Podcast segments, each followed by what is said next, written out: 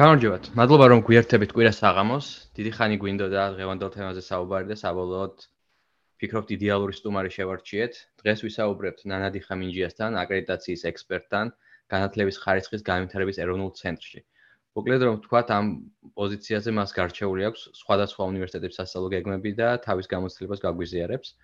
ასევე არის ალტეს ციფრული ტრანსფორმაციის ცენტრის დირექტორი და ილიას სახელმწიფო უნივერსიტეტის კომპიუტერული მეცნიერებების ფაკულტეტის სასწავლო გეგმის ავტორი. მოკლედ თუ ილიაში სწავლობთ, ნანამ გადაწყვიტა რა უნდა გესწავლათ.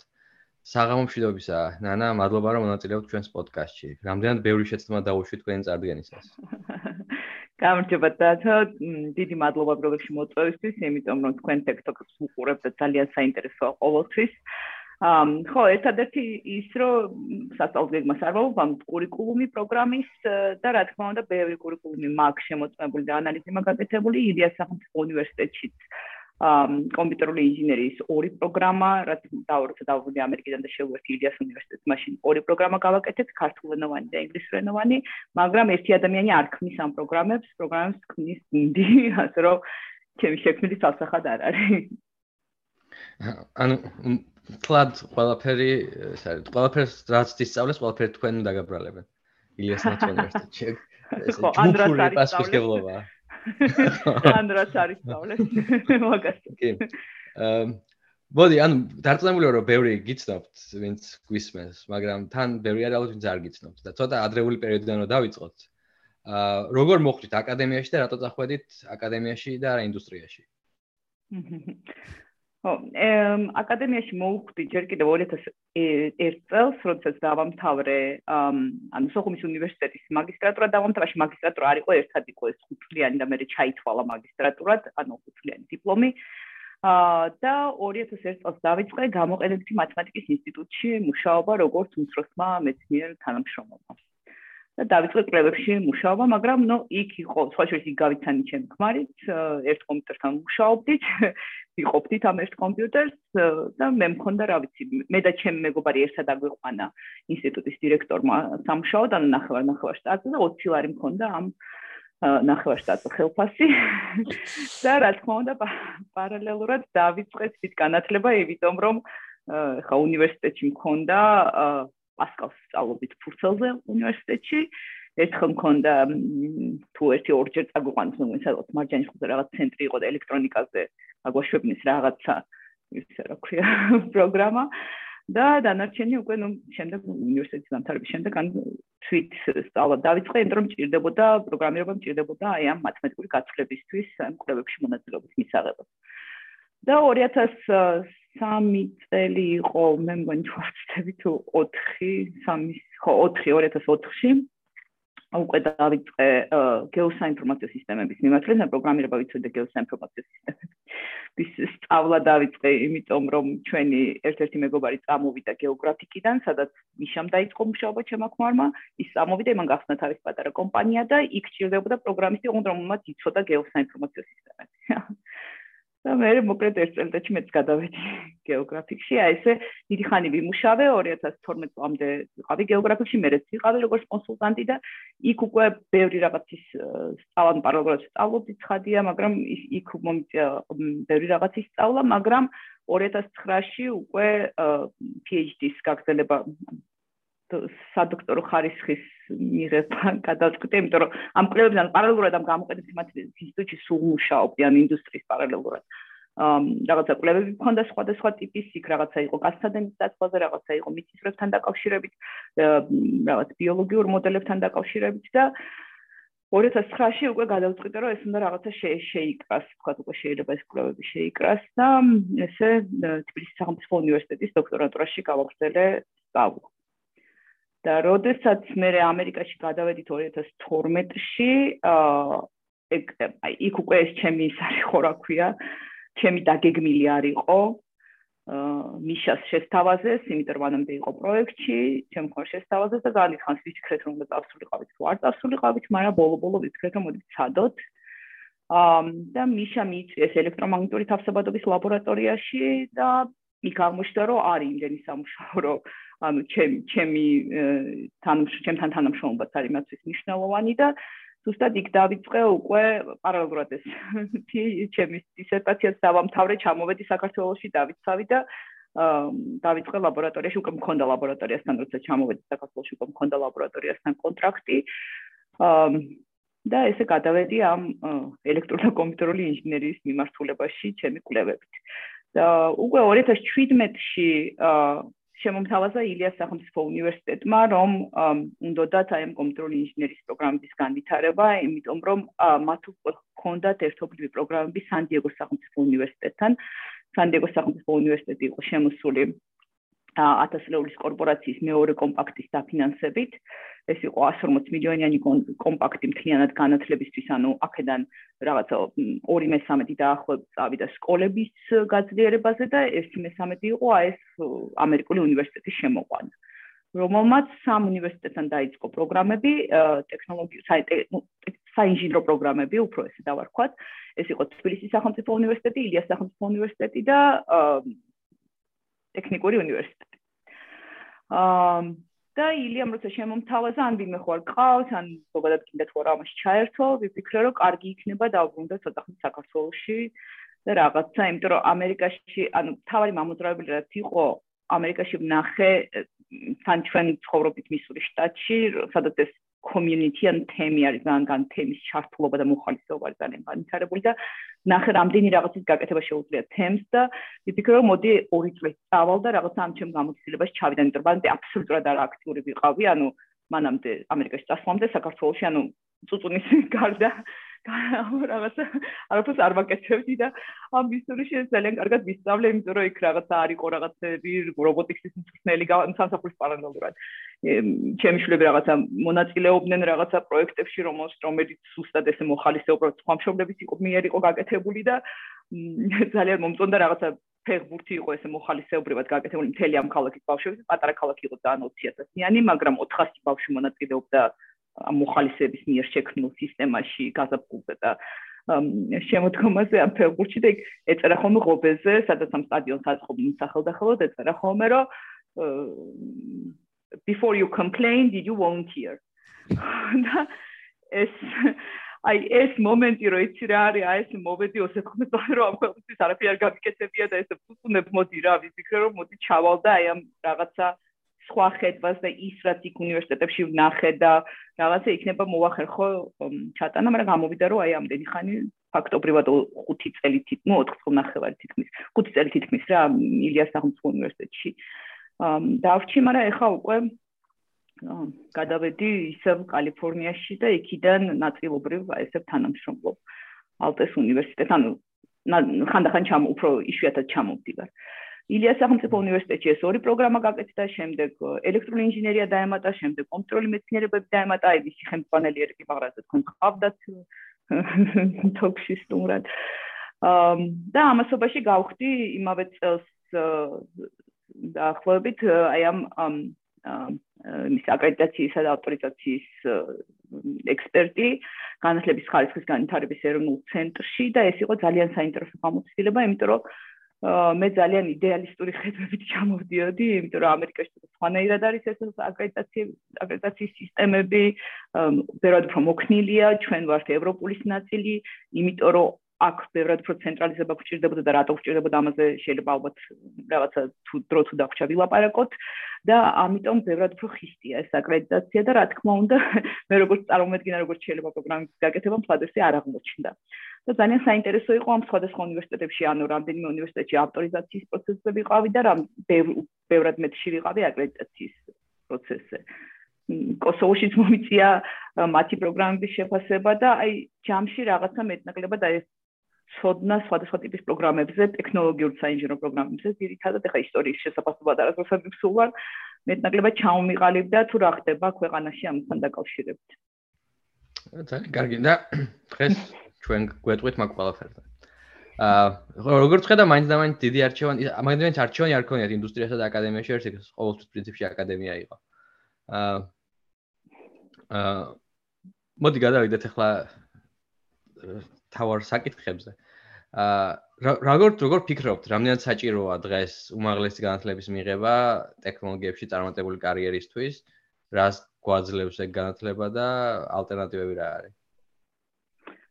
აა ეცი რა არის ყველაფერი არის დამოკიდებული ადამიანზე ანუ სიამდვილეში დღეს ეხა კი უმაღლესი განათლების სისტემები ამას ვერ დაეწია და მაინც ცოტა უფრო კლასიკური მოდელებით ვასწავლით, იმიტომ რომ რთულია განათლების სისტემა ზოგადად ეს ძალიან ნელა იცვლება, ხო?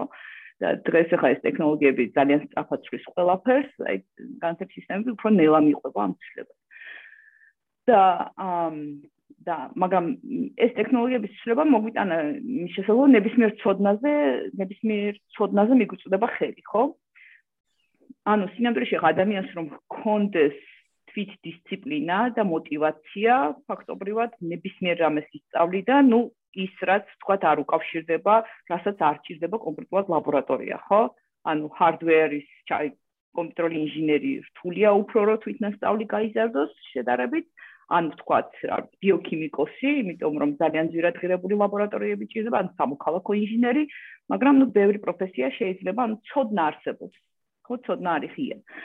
მაგრამ პირველ რიგში ამას ვერ დაეწია სკოლის სისტემა ვერსად, ანუ სკოლის სისტემა არ მუშაობს იმაზე, რომ ყველას განუვითარდეს თვითგანათლების უნარები, ხო?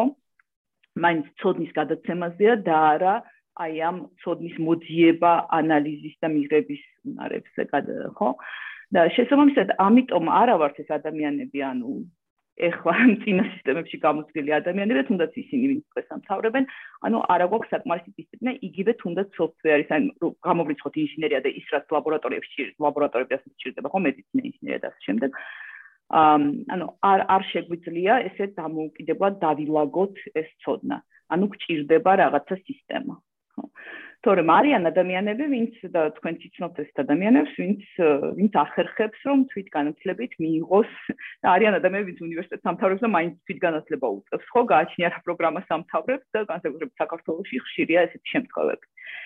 თუმცა მეორეს მხრივ, ეხლა როდესაც თვითონ, ანუ ძნელია პროგრამებს რომ შეხედოთ, ანუ გააჩნია პროგრამებსაც, რა თქმა უნდა, როდესაც მიდის სკოლა, ახალ სკოლა დამთავრებული მოსწავლე მიდის უნივერსიტეტში, მას უნდა რაც შეიძლება მეტად გამოყენებითი პროგრამები, როგორც წესი, ხო, რომელსაც სწრაფად გამოიყენებს. მაგრამ სიამდვილეში ეს საინფორმაციო ტექნოლოგიები იქნება თუ კომპიუტერული მეცნიერება, ეს ხომ არ არის, ეს ხომ არ არის გაჩერებული, ანუ ის რასაც ჩვენ დღეს ასწავლი შეიძლება 5 წლის მერე უკვე მოძველებული იყოს. ანუ სიამდვილეში უნდა ასწავლო საფუძველი მისცე და ეს საფუძველი შედგება, თქვათ, იგივე ფიზიკის, მათემატიკის, პროგრამირების პარადიგმების, მონაცემთა ანალიზის საფუძვლების, ანუ რეალურად უნდა მისცე საფუძველი ჩემი აზრით, რომლითაც შემდეგ მას, რომელსაც მას შეუძლია შემდეგ ნებისმიერი ტექნოლოგიური ცოდნის მიღების, ცოდნის მიღება დააშენოს, ხო? ამიტომაც არის და მესამე კიდე რაც არის, აი მაგისაც რაც ამერიკაში ცევა ძალიან დიდი ყურადღება ეს არის ზოგადი განათლების მიღება.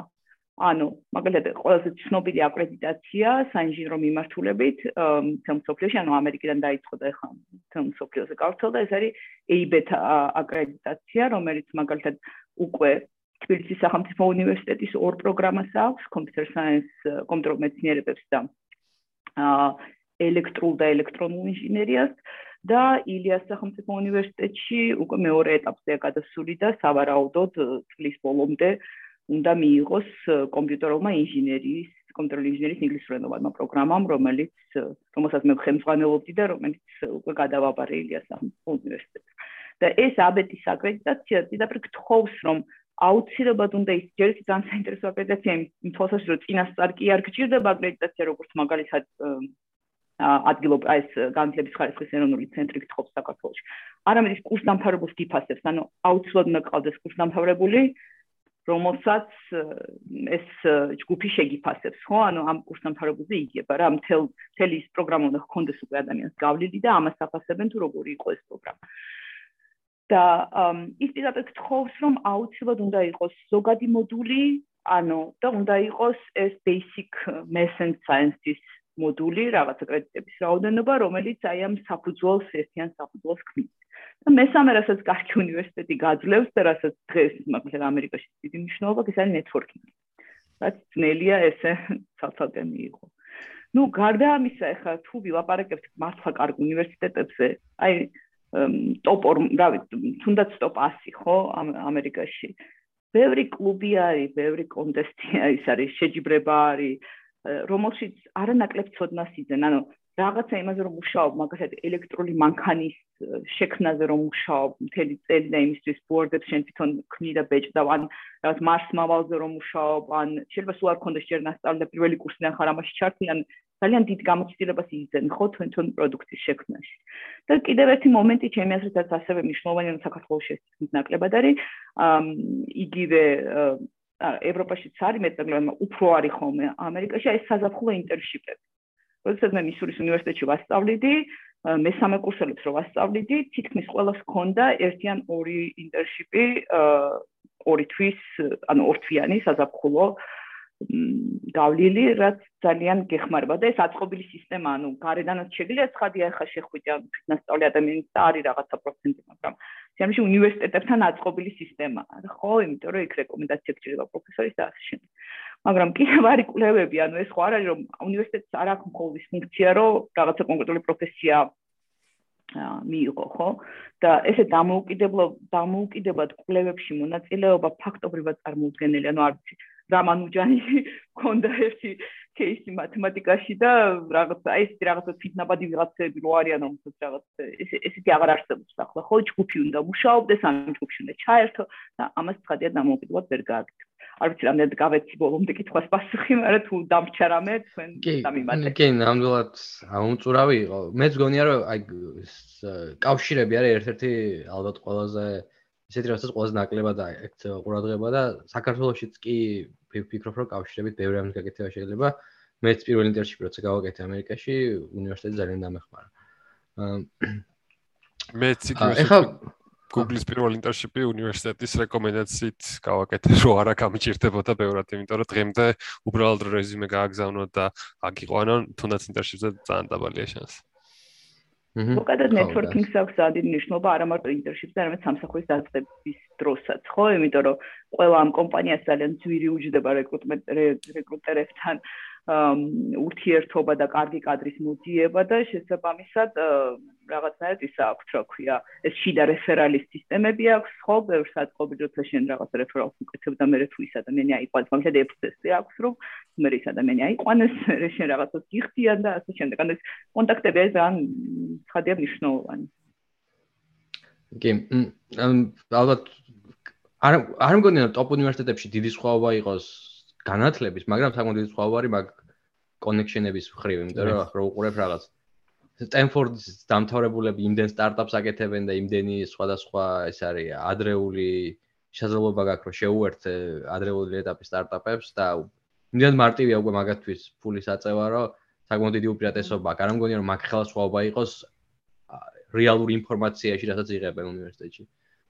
იცი რა არის აი რა რა განასხვავებს რა ტოპ უნივერსიტეტს ვქოთ ეხლა მე მე სადაც ისა რა ქვია მუშაობდი 4 წელი რეიტინგში ეს არის სადღაც 150-150-160-ში ნუ რეიტინგები ხო ძალიან ისეთი ფუნდოვანი ცნება მაგრამ აი US News მე პირადად ყველაზე მეტად ვენდობი. ოღონდ ნუ ეს ზოგად რეიტინგს თუ შევხედავთ ან შიგნით მე შეიძლება პროგრამებად ჩაშალო ხო? ხო და ოღონდ US News რაც არის ამერიკისთვის, თორე World World University-ს რაც არის არც ერთ რეიტინგს არ ვენდობი, ну ეხა top 10 ყველგან რა თქმა უნდა მოხდება ეს Ivy League-ის რაღაცა უნივერსიტეტები, მაგრამ არც ერთ არ ვენდობი, იმიტომ რომ ყველას რო ჩავხედე, ძალიან წირი და არა ანუ არა თანაბარი იმით ხდება, რა ქვია, კრიტერიუმებით შეფასება და ამიტომ არასწორ სურათს, იმიტომაც ჩავხედე რომ დავინახე რომ რაღაცა რომელიღაცა თქვა ქართული უნივერსიტეტი უფრო მაღალ დონეზე აღმოჩნდა რომ მიდრე რომელიღაცა ამერიკული რომელიც ვიცოდი რომ კარგი ანუ მოკლედ ამაგიტო ჩავხედე რა მაგრამ აი თვითონ ამერიკის შიგნით მაგალითად ამ US News ძალიან ვენდობი და ის უნივერსიტეტი როგორც მე მუშაობდი იყო რაღაც 150 და დაახლოებით 100 არის ეს San Diego State University მაგრამ მაინც ანუ ძალიან ბევრი კურსამთავრებული იქნება მიდის ტოპ კომპანიებში. აქვთ ამ მაგალითად მისურის უნივერსიტეტს ქონდა რაღაც 30-მდე სხვადასხვა ტიპის კლუბი რომელსაც ისინი მონაწილეობდნენ პრაქტიკული. ქონდა კვლევა და ასე შემდეგ. მაგრამ მაინც განსხვავება არის რაში? განსხვავება არის რესურსებში ანუ იმ ტოპ უნივერსიტეტებს აქვს ძალიან ბევრი ფული, რომელიც შეუძლიათ იგივე ან აქსელერატორში ჩადონ, ან ლაბორატორიები გააძლიერონ, ან კვლევა დააფინანსონ. აი ეს არის რა. რთული აქვს ბევრი დამატებითი. შეიძლება შენ ინფორმაცია, შეიძლება საერთოდ არ გყავდეს ძალიან მაღალი დონის ლექტორი და ეგ არ არის პირდაპირ კავშირი, რომ ძალიან მაგარი მკვლევარი, მაგარი ლექტორია, შეიძლება პირიქით იყოს, მაგრამ სამაგერად შენ გაქვს მეტი შესაძლებლობა, რომ უფრო მაგარ კვლევაში ჩაერთო რა და არა უფრო ვთქვათ მე გამოქვეყნებები ხო ესეც ხო ძალიან სუბიექტური სფეროა, იმიტომ რომ მაინც დამოკიდებულია ჟურნალში. სახელიანი ტიპი აგზამის თუ არა და შენ თუ იმ სახელიანი ტიპის ჯგუფში მოხდი, მეტი შანსი გაქვს რომ უფრო სერიოზულ გამოქვეყნებებზე წახვიდე და შემდეგ უფრო სერიოზული თანამშრომლობები ან გრანტები მოიპოვო და ასე შემდეგ. ანუ რესურსებშია სხვაობა რა. აა მე მაქვს ერთი კითხვა დავით შეიძლება ა სანელა საქართველოსკენ მივდივარ და ისო ერთი კითხვა მქონდა რომელიც პრინციპში წლებია მაწუხებს მე დავამთავრე თავისუფალ უნივერსიტეტი რუსხეთში ძალიან მადლობელი ვარ ჩემ უნივერსიტეტის და პირველ მეორე კურსზე კარგად მახსოვს. კახაბენდუკიძე სოციალურცა იყო ა ერთი პრეზენტაცია ქონდა რომელსაც სულ გვიხსნიდა ხოლმე სტუდენტებს და სულ სტრატს ამბობდა რომ თქვა რომ გააკეთოთ კორელაცია იმაში. სად არის საუკეთესო უნივერსიტეტები და სადაა GDP-ის განაწილება აღმოაჩენთ რომ რაც უფრო მაღალია GDP ერთ მოსახლეზე ქვეყანა რაც უფრო დიდია საუკეთესო უნივერსიტეტები მით უფრო მანდ ჯგუფდება ხოლმე. ხო რაღაცა ამერიკა მდიდარი ქვეყანა შესაბამისად საუკეთესო უნივერსიტეტებს ბევრი რაც ბრიტანეთი შვეიცარია ბევრი ქვეყანა მსგავს პატერს მიყვება და სულ ამბობდა რომ საქართველოს იმდენად პატარა ქვეყანა მოსახლეობითაც და GDP-თაც რომელსაც სოფლიო კლასის უნივერსიტეტი რომ გამოვიდეს, ანუ რთულად წარმოსადგენი, იმიტომ რომ ფიზიკურად ფუნდამენტი არ გვაქვს ამის და.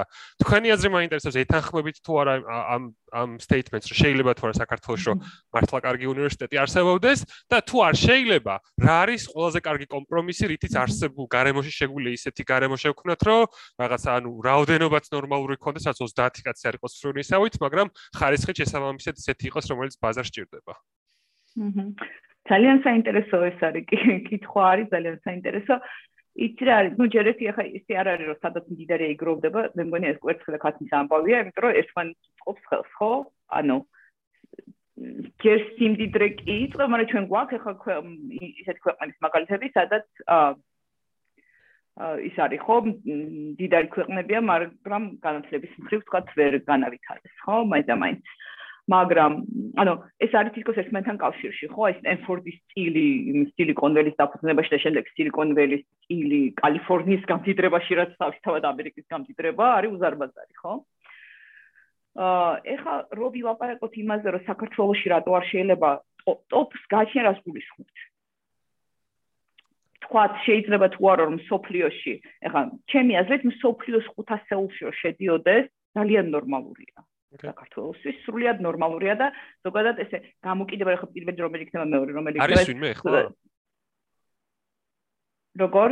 არის ვინმე თუ არა 500-ლშან ახლოს მაინც თუ არის თქვა არის აი რაღაცა რაღაცა რენკინგებში კარგად არ მახსოვს ახლა მაგრამ რაღაცა QS-ში რამდენიმე ის არის რა ქვია სარეიტინგო სისტემა რომელიც სოფლიოს უნივერსიტეტებს აფასებს და რაღაცაში არის 1000 წელში მოხვედრილი მაგალითად ილიაონი და TSU ზოგჯერ მარტო TSU მოხდა ზოგჯერ მარტო ილიაონი მოხდა ბოლო 5 წლის სტატისტიკას გეუბნები. ვით და რაღაცაში მოხდა მე მგონი კიდევ UG საქართველოს უნივერსიტეტი. სხვები არ მინახე იმიტომ რომ ამ რენკინგებში ყოველთვის ძალიან მნიშვნელოვანია კვლევა და კვლევა მაგალითად აი ისეთ კარგ უნივერსიტეტს როგორც არის თავისუფალი უნივერსიტეტი თითქმის ანუ არ ჩანს ხო? ხო აი ეს ეს მომენტია რა მაგრამ ეგ არ ამგონი ხო. ფოდიში ეგ არ ამგონი რეალურად ანუ სტუდენტის მხრიდან ფლატ კორელაციაში არ არის სადურჩევნია სწავლა რომ კვლევა და ის სწავლება ხშირად ძალიანწენია ანუ რენკინგი ესე დგება რა ანუ რაც არსებობს ახლა ჩვენ რო ჩვენ რო დავიწყოთ ჩვენ ფაშოს ფიქრობდი ამ დღეებში რომ საუკვე ძალიან მნიშვნელოვანია რომ უფრო სხვა ტიპის რანჟირების სისტემები ცოტა ბოდიში ამ ინგლისურში წყობს რომ რანჟირების სისტემები შემუშავდეს მაგრამ რაც არსებობს იმ რანჯრებ იმ იმ რეიტინგულ სისტემებზე ვლაპარაკობ. და რატომ გვიჭირს ახლა მაგალითად აი მოდი ძალიან მარტივი რაღაც ეს არის ძალიან ტკივნეული თემა. თქვათ რა ღირს საქართველოს სწავლა? ხო? დანია ფიქრს ხო არ ვაშკართ საბაზრო ფასის ქვემოთ 2250 ლარი. და პრინციპში ახლა რო ვთქვათ რომ სახელმწიფო ძალიან ბევრ ფულს ხარჯავს, არ არის და ეს ხარჯვა ყოველთვის დამოკიდებულია იმაზე, თუ ვინ არის მთავრობაში და ვინ ყავს ფავორიტი უნივერსიტეტი. მაგალითად წინამთავრობაში ილიას სახელმწიფო უნივერსიტეტი უფრო ფავორიტული იყო და შესაბამისად მეტი გრანტები იქეთ მიდიოდა ამ ამ მთავრობის შემთხვევაში თბილისის სახელმწიფო უნივერსიტეტია უფრო ფავორიტული და ეხლა აი კიუ მაგალითად იწევს და მეტი გრანტები იქეთ მიდის კიუს შემთხვევაში საერთოდ ანუ ორი წელი სულ მინისტრის მიერ ხდებოდა გაპიარება, ხო ეს ხო ძალიან ძალიან მნიშვნელოვანია საქართველოს სადაც უნივერსიტეტების შეფასების სისტემა არ გვაქვს, ხო?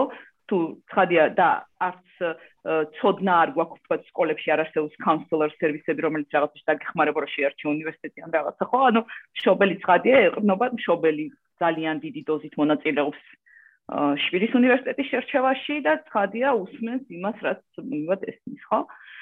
მაგრამ ანუ ეს ისეთია რა არასტაბილურია მოკლედ სახელმწიფო დაფინანსება და ეყრდნობა აი ამ სტუდენტების მიერ შემოტანილ ფულს რომელიც არის ანუ ბაღი, კერძო ბაღი თბილისში უფრო ძვირი ღირს, ნორმალური კერძო ბაღი, ვიდრე უნივერსიტეტი.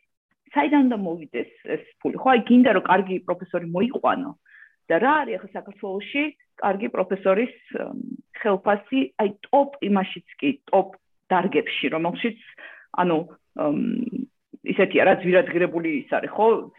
როგორ თქვა აი ისეთი დარგებია რომ როგ სადაც ძალიან გიჭირს პროფესორის მოყვანა იმიტომ რომ ის გაცილებით უფრო მეტ გამოიმუშავებს მასში რა ქვია ინდუსტრიაში ხო? ეს არის რავი აი ყველაზე ყველაზე კარგად ვინც ვიცი რომ იხდის იქ არის 5-6000 ლარი. რაც ამ სპეციალისტისთვის ანუ რო გინდა რომ აი კომპიუტერ საინსის მაგარი ტიპი მოიყვანო ცოტა ხო? თან და ეს ყოველთვის მაგრამ ეს არის საუკეთესო და ძალიან ერთეული შემთხვევები. სინამდვილეში უნივერსიტეტებში ხალხი მიდის იმიტომ რომ უნდა რომ ან ცოდნა გადასცეს და ფაქტობრივად მოხალისეობა გამოხდეს იმიტომ რომ საათში ვიცი პროფესორები ვისაც საათ პროფესორი ლექტორები მოწვეული ლექტორები ვისაც საათობრივად უხდიან და საათში 30 ბარად მუშაობს. ანუ უბრალოდ მუშაობს რომ ანუ როგორ ვთქვა მოხალისეობა ჩერიცია მისი ქვემოქმედებაა მისი მხრიდან ხო ან რაღაცა ყველაზე იდეალურ შემთხვევაში ეს შეიძლება იყოს 50 დოლარი საათში, როგორც მაგალითად უცხოური უნივერსიტეტები ხდიან. აა ეს არის ძალიან ცოტა იმისთვის, რომ პროფესორი შეინარჩუნა პროგრამა, რომ კარგად განავითარო, შემჭირდება მდგრადობა. ანუ შენთან აი როგორ არის ხო აწყობილი როცა შეუყურებთ ამ ძალიან კარგ ამერიკულ უნივერსიტეტებს იქ არის მთელი სისტემა აწყობილი, რომ არის საბაკალავრო პროგრამა, შემდეგ სამაგისტრო, სადოქტორო, სადოქტოროზე, ვინც მოდი, ანუ სამაგისტროს ხალხი არის ჩართული როგორც TA, შემდეგ ეს სადოქტოროს ხალხი არის სამაგისტროზე როგორც TA ჩართული, არის პოსტდოკების სისტემა, არის მე შემდეგ ტენიორის სისტემა. და იცი, რაც მთავარია, იცი რა უნდა გააკეთო იმისთვის, რომ ტენიორი, თქვათ, tenure track გახდე, შემდეგ ამ tenure track-ზე assistant პროფესორი რო ხარ, ასოცირებული როგორ გახდე და ეს აი ეს რაღაცა ის გაქვს რა, timeline-ი განვითარების. აი ეს ფაქტობრივად არა გაქვს სახელმწიფო, ანუ ქართულ უნივერსიტეტებში, იმიტომ რომ კერძო უნივერსიტეტი, ანუ მეტნაკლებად შენარჩუნებულია ცოტა ძველ უნივერსიტეტებში როგორც არის თბილისის სახელმწიფო უნივერსიტეტი, აა ტექნიკური უნივერსიტეტი, თქვა ქუთაისის სახელმწიფო უნივერსიტეტი, იმიტომ რომ ალბათ ერთი ორი კიდე არის თელავი ახალციხეები აღარ მახსოვს. აა იმიტომ რომ იქ მაინც რაღაც ძველი სისტემებია, აა რაღაცნაირად ეს მემკვიდრეობითაც დარჩენილი. მაგრამ ამ ახალ უნივერსიტეტებში არც სახელმწიფოს კიდე არ აუშავს, იმიტომ რომ რაღაცა მოეთხოვება უფრო მეტი აკრედიტაციისგან. კერძო უნივერსიტეტებში აი სტაბილურობის ისა შეგრძნება ანუ არ ყოფნის ეს რაღაცა სხვა წყაროებიდან თუ არ მოიპოვე დაფინანსება, ხო? იგივე მაგალითად ამ ქუთაისის საერთაშორისო უნივერსიტეტის შემთხვევაში, რომელიც რომელსაც ქართულ ფონდი აფინანსებს ძირითადად ძალიან გიჭირს რომ ეს კარგად დაგეგმო, შენთან დარჩეს ეს პროფესორი, შენთან აკეთოს კვლევა და პლუს დამატებით ამას TA მიუმაგრო, teacher assistant მიუმაგრო, რომ მან რაღაცა მარტივ მოსაწყენ რუტინულ საქმეში არ ხარჯოს დრო, ხო? აი ეს არის ძალიან მნიშვნელოვანი, რამდენ ხარჯავ, ხა ცხადი ევროპაში საერთოდ არის, ხო, გვაქვს სადაც საერთოდ არის საერთოდ სტუდენტი. მაგრამ იქ რომ შეხედოთ, იქ სახელმწიფო აძლევს ამ სტუდენტის ფულს და ძალიან ბევრ ფულს აძლევს უნივერსიტეტს და იმის გამო რომ მათ უკვე დიდი ტრადიცია აქვს, კვლევებიც აქვს და ამ კვლევებით ხდება დანარჩენის შევსება, ხო? თქვა ჰორიზონის მილიონიანი გრანტებით ან რაღაცა დამატებითი სხვა სხვა ინდუსტრიასთან კავშირით და ინდუსტრიასთან მოტანილი პროექტებით. ერთ კიდე, ანუ და თქვენი საუბრიდან გამომდინარე კიდევ უფრო დავინახე ქართული განათლების სისტემის პრობლემები და კიდევ უფრო დავწმუნდი რომ რაღაცები უბრალოდ არ გამოვა ფულის ან რესურსის ან რაღაც არ ქონის გამო. ცოტა პროვოკაციულ კითხვას დავსვამ, უბრალოდ მე მაინტერესებს მეორე უკიდურესობიდან დანახული ის. ცოტა ხანი რომ საერთოდ არ ვიფიქროთ კვლევაზე, იქნებ რაღაც ჩვენი რეგალები ქვეყნების საკითხი კვლევა არის და ვიფიქროთ ინდუსტრიაზე და როგორ შეგვიძლია მაქსიმალურად ბევრი ხალხი მოამზადოთ ინდუსტრიისთვის, იმ საქმეებს როცა ეხლა მოთხოვნადი და ხალხს მივცეთ რაღაცა შემოსავლის ან კარიერული წესის ოპტიმიზაცია. ამ შემთხვევაში არსებობს რამე გამოცდილება, რომელიც ყველაზე ისეთი რა ქვია, მომგებია, როგორც ფრიუნის გამოცდილება, ჩემთვის მე ძალიან მომწონს, მაგრამ ძალიან ცოტა აუთპუტი აქვს. ხო ფრიუნი რაღაც წელიწადში უშვებს 30-დან 50 კაცამდე, ისიც უმართლებს, რომ ბევრი კარგი ხალხი ისედაც აბარებს და უბრალოდ ისიც სადაც არ უნდა ჩააბარონ, ყველგან კარგად იქნებიან დარწმუნებული ვარ და აი, საქართველოში რატო არ არსებობს არც უნივერსიტეტი ან არის პროფესიული სასწავლებელი, რომელსაც შეუძლია რომ არის წელიწადში 1000 პროფესიონალი გამოუშვას. რაღაცა ცოტა დიდ რიცხვებზე რო წავიდეთ და სულ რიცხვები რაც მეც არის 10, 15, 20, 50 ეგრე ალბათ შორს ვერ წავალთ. ანუ მე დღეს სპეციალურად თქვენ ამ გადაცემისთვის გავაკეთე შემოხაზვების ანალიზი, ანუ ამ რაც არის გამოცხადებული პროგრამები, ცოტა გაიზარდა, იმიტომ რომ მოთხოვნაც იზრდება ამ მიმართულებაზე, რაც არის პროგრამები გამოცხადებული და აქ თქვა როგორი სიტუაცია გვაქვს რა. ანუ სულ ადგილების რაოდენობა გამოცხადებული მთელ ყველა პროგრამაზე მთელ ქვეყანაში არის რაღაც 44500 ნუ რაღაცა იქ ათეულები შეიძლება ისა მაგრამ არის ჩემს ჩავთვალოთ ხო?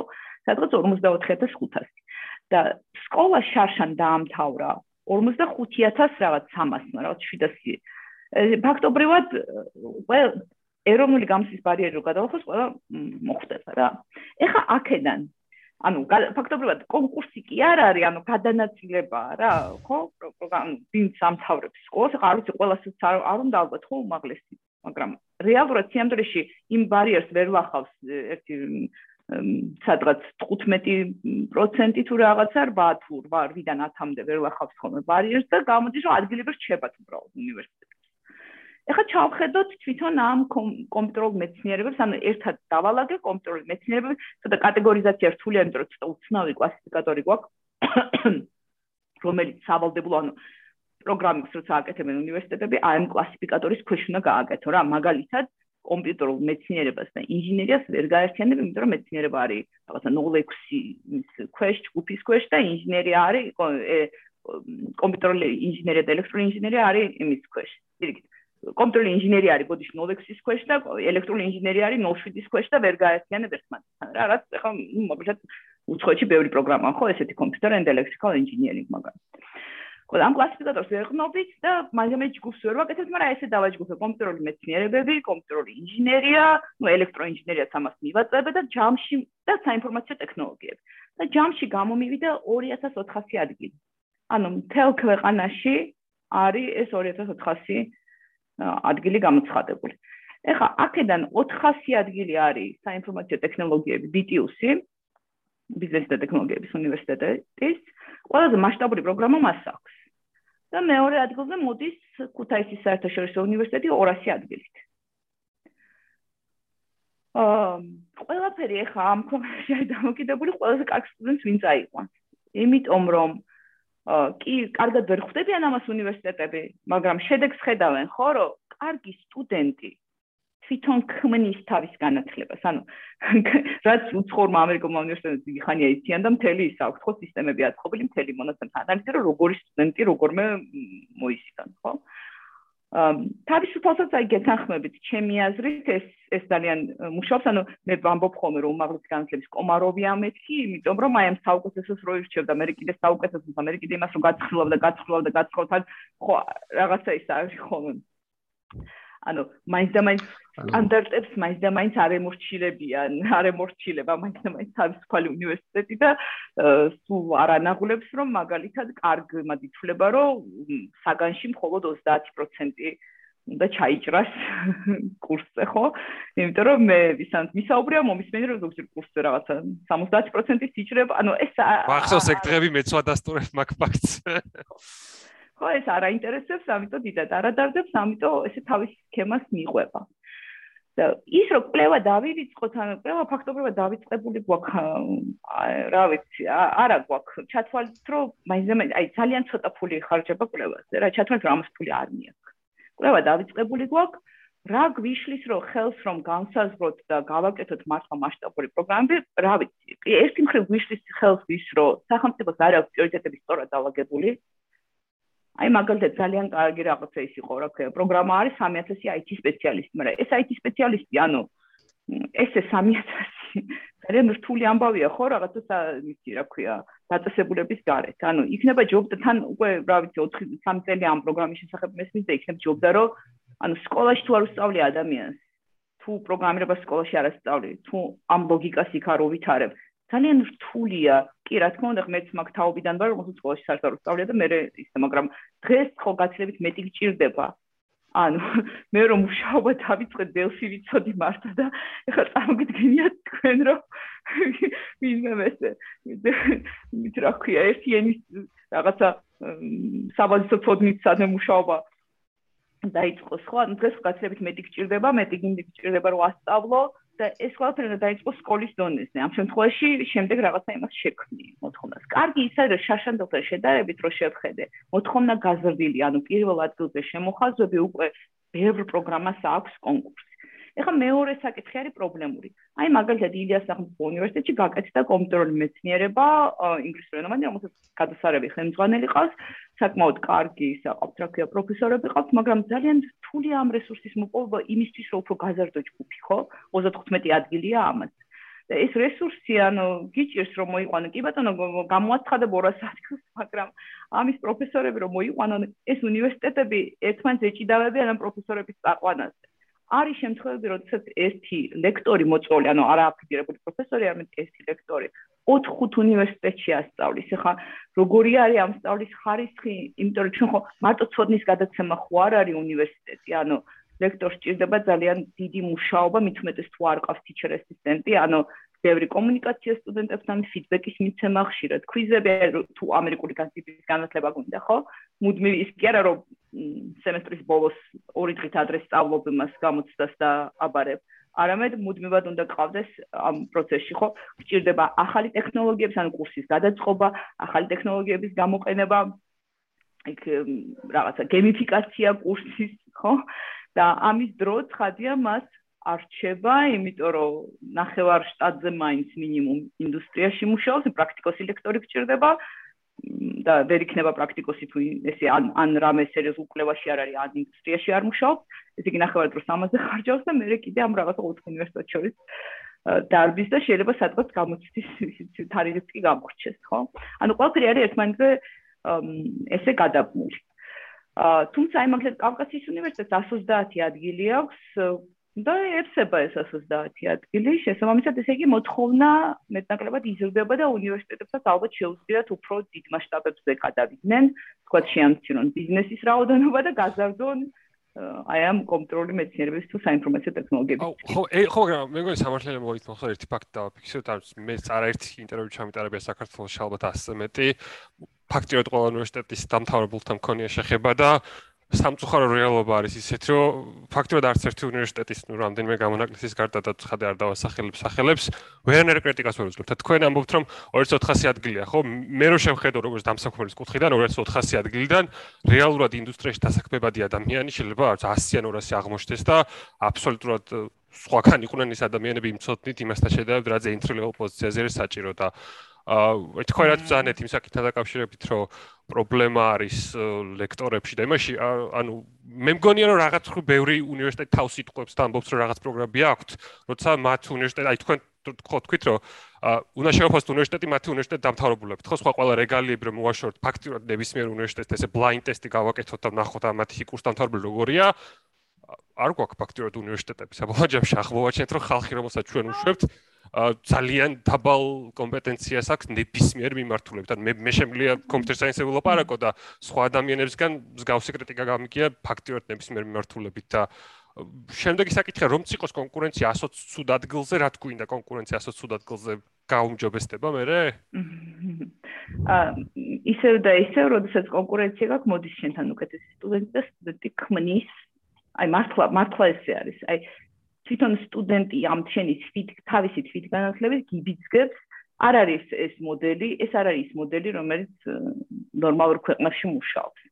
მაგრამ საკმაოდ ქაოტური ის აქვს სიტუაცია. ახლა მეორე შულ კურს დამთავრებულს რო ვიბარაკოთ მაგალითად თსუს ახლა კი არც ერთ თითქმის არც ერთ სხვა შეიძლება თავის უნივერსიტეტ მეტნაკლებად უკეთესად აქვს დაავადებული ელამნაის კურს დამთავრებულთა გამოყენების და ჩართულობის ისა სისტემა მაგრამ ზოგადად საქართველოში ამის კულტურა არის ძალიან დაბალი, ხო? ამ კურსდამთავრებულთა ჩართულობის ამბავი. აა როცა მაგალითად იმაში რა ქვია, ამერიკულ უნივერსიტეტში ჭირდება თუ არ ჭირდებათ, ანუ რა ცხოვრების ბოლომდე მისდევენ ამ კურსდამთავრებულს. ხო, ასე არის, რომ რაღაცნაირად ის სხვადასხვა რაღაცებში გამოიყენა, როგორც სახელი გამოიყენა, როგორც აქტივობაში ჩართონი, საერთოდ ძალიან მომწონს, როცა არის რაღაცა მეურვეობის სისტემა, რო იწყებს, როცა მიამაგრებენ ახალ სტუდენტს, როცა მიამაგრებენ კურსდამთავრებულს, ხო, ესეთი რა host family რაღაც სისტემები არის. აა რაღაცა აფცი მე მგონი რაღაც იმას რა ქვია შინას ხო ანუ არის თუ არა დასაქმებადი ხო?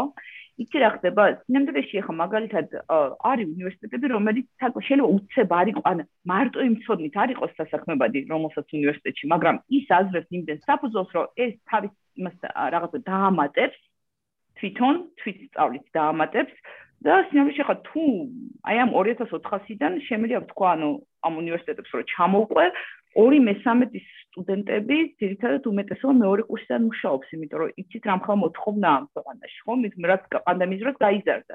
ანუ არის დასაქმებადი თუ არ არის იმის პროფესიონალის თვალიდან. დასაქმებულია. გეთანხმებით მაგაში ორი მესამედი იქნება დასაქმებადი, მაგრამ თავი ტრაგედია ის არის, რომ ქართული დასაქმების ბაზარი არანაირად არ არის დაინტეგრებული დანარჩენ სოფლიოს თავისუფალ ბაზარზე და ყოველთვის პრობლემა არის მაგათ ლეველინგის ხო რომ საქართველოს ვიღაცამ დაამთავრა უნივერსიტეტი იმუშავა სადღაც კომპანიაში მე დაიწყებს სადღაც საერთაშორისო ბაზარზე მუშაობას და აღმოჩნდეს რომ უი თურმე ამან არაფერი არ იცის და სამი ლეველით ქვევით ჩამოსვავენ მე და დაიწყებენ და პრობლემა ის არის რომ ქართული განათლების სისტემა ქმნის ქართულ დასაქმების გარემოს, ქართული დასაქმების გარემო მე უფრო და უფრო იზოლირებული ხდება გარესამყაროსთან და საბოლოო ჯამში 4 წელი თუ იმისთვის დაკარგე რომ მე ქართულ გარემოში დასაქმდე და მე გაგიჭირდე საერთაშორისო ბაზარზე კონკურენცია, არც კი ვიცი რამდენად კარგი ინვესტიცია მაგას არ ჯობდა რაღაც იგივე ბუტკემპი ან რაღაც სხვა გაგეულ. ანუ კარგი უნივერსიტეტი კარგია, მაგრამ ცუდი უნივერსიტეტი ცუდი არ გამოდის და საქართველოს უმეტესი უნივერსიტეტი სამწუხაროდ ცუდია გულწრფელები რო ვიყოთ. აა ხო, ვერ აი თვალდესით რადიკალური ვერ ვიქნები. აა, იმიტომ რომ მე მგონია რომ იგივე თუნდაც, რა ვიცი, ანუ შეიძლება top აი first first second tier არა, მაგრამ third tier უნივერსიტეტები რაც არის, მესამე დონის უნივერსიტეტები ამერიკაში არც ისინი რო თქვა, აი თვითონ მარტო უნივერსიტეტში რო იყო და იმის იმას არ გაცდე, არც იმითი არა ხარ დიდად ისეთი ხო დიდად პროფესიონალი არც იქიდან არ გამოდიხარ ბაკალავრი. ანუ სანამ სამაგისტროში არ წახო ხო? სამაგისტროში სულ სხვა სიტუაცია იმიტომ რომ მაგისტრატურა ყოველთვის კვლევებზეა მიბმული. ეს ჩვენს დარგში რა თქმა უნდა გავაზუსტებ ანუ ტექნოლოგიებში ინჟინერიაში და კომპიუტერულ მეცნიერებებში ანუ ყოველთვის არის კვლევებზე მიბმული და იქ ძალიან დიდ ცოდნას იძენ მართ მაგრამ ბაკალავრი ეხა ნუ ისე რა და ამ თვალსაზრისით მე მაგალითად ყოველთვის ვეუბნები სტუდენტებს, რომ ამ სფეროში თუ ცხვირს შეყობ, ეს არ არის სფერო, რომელშიც აი ესე უყურებ ამ იმას, რა ქვია, დაწესებულებას და მარტო დაწესებულებისგან მიღებული ცოდნით, ცოდნით სადმე რამეს გაიკვლევ, ანუ ეს არის სფერო, რომელშიც თუ ერთხელ შეყავი თავი პროფესიონალი მარტო მაშინ ხარ თუ ყოველ დღე რაღაცა სწავლობ, ხო? ეხლა მე თანხმობით ორივე, ანუ შეუძლებელია რომ ხეხა ვისწავლე მე და გავჩერდი და ეხა ორი წელი ფეხი ფეხზე გადავიდებ და ეს თოდნა მეყოფა არ არსებობს ეგ ვარიანტი ხო? აა თვით განქლებაზე უნდა ცხადია უნდა იმუშაონ.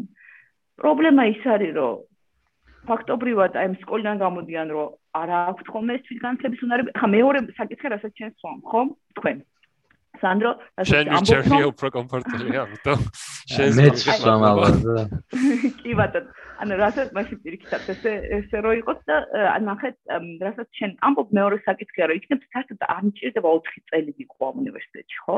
და წელიწადში დიხადო ნუ კარგი სტუდენტი როგორც წესი არის ხდის გრანტს იღებს მაგრამ თქვათ თქვათ ვერ ვერ ჩავაბარე ის გამოცდები ხო? ვერ მომემზადე რავი რაღაცა ქართული ვერ დავწერე კარგად ანუ იმედია მათემატიკა მაინც დავწერე თუ კომპიუტერულ მეცნიერებებზე მოვიარე იმიტომ ბუსამ ქართულს ხარ. მაგრამ თქვათ ხო თქვათ ვიხდი ამ 2250 ლარს რაც პრინციპში ცოტა მაგრამ მაინც ვიხდი ხო და თქვათ კიდე ამისთვის მომიწია თბილისში საცხოვრებლად ჩამოსვლა და აქ უნდა ვიქირაო ბინა და ასე შემდეგ. და მიიღებს თუ არა თუ ადამიანი ხარ თვი დისციპლინირებული და თუ ფიქრობ რომ შენ შეგიძლია რომ შენ ინგლისური კარგად ინგლისურის გარშე ძალიან გაგიჭირდება თვით განათლება მაშინ შეიძლება არც გიყიზდეს ამ ხელა დროის დახარჯვა მაგრამ მეორე მომენტი ახლა თუ გინდა რომ გააგრძელო, თუ გინდა მე სპეციალიზაცია გააგრძელო მაგისტრატურაში, თუ გინდა ანუ ნებისმიერ შემთხვევაში აი ეს ბაკალავრის დიპლომი ჯერჯერობით თანამედროვე სისტემაში მაინც გჭირდება. მე ძალიან მომწონს ის ტენდენცია, რაც ამერიკულ განათლებაში ნელ-ნელა შემოდის ხა ევროპულ განათლებაში, რაც ამერიკულში ნელ-ნელა ანუ უფრო იმკვიდრებს ფეხს და ეხლა შემოდის ევროპულში.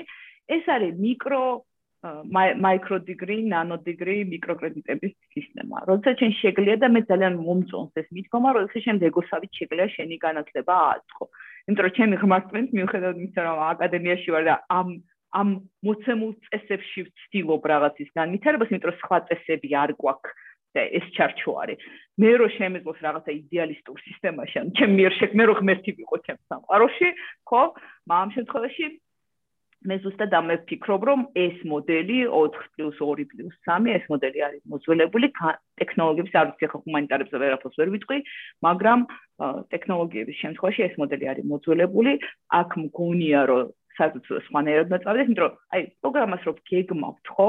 აი რო ვიწყებ, თან ეს პროგრამა აქ აკაული აკრედიტაციით შეგაქვთ, ანუ რო შექმენი პროგრამა, ფაქტობრივად ეს პროგრამა რო შეიტანე, მე ნახევარი წელი უნდა ამ აკრედიტაციის პროცესს, რა?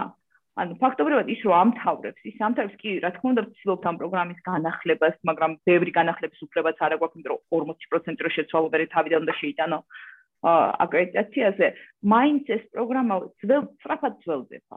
და შესაძლებელია რომ გაცილებით უფრო მოქნილი ყოფილიყო იგივე თუნდაც აი რაღაც როგორ წარმოიდგენია ხოლმე რომ ვფიქრობ ეს კი რაღაცა იდეალისტური სისტემა შეიძლება იყოს ბლოკჩეინზე დაფუძნებული, სადაც ეხა ესეც ხო ძნელია ამ ბუტკემპების ხარისხის დადგენა, ხო? ყველა კურსი, ყველა ონლაინ კურსი არ არის ერთი და იგივე ძალიან საინტერესო кейსი იყო. დიდი ამით აფრიალებდნენ ისინი, რა ქვია, მედიები, ერთ-ერთი უნივერსიტეტის სტუდენტმა იმის დროს ამ პანდემიის, მე მგონი პანდემია რაღაცა ერთი რამდენიმე თვის დაწყებული იყო თუ რაღაცა და თქვა რომ აი ამ რამდენიმე წელში 117 სერტიფიკატი ავიღეო და ძალიან ის იყო რა ქვია, მაკუთილი იყო ხალხი და ამითი.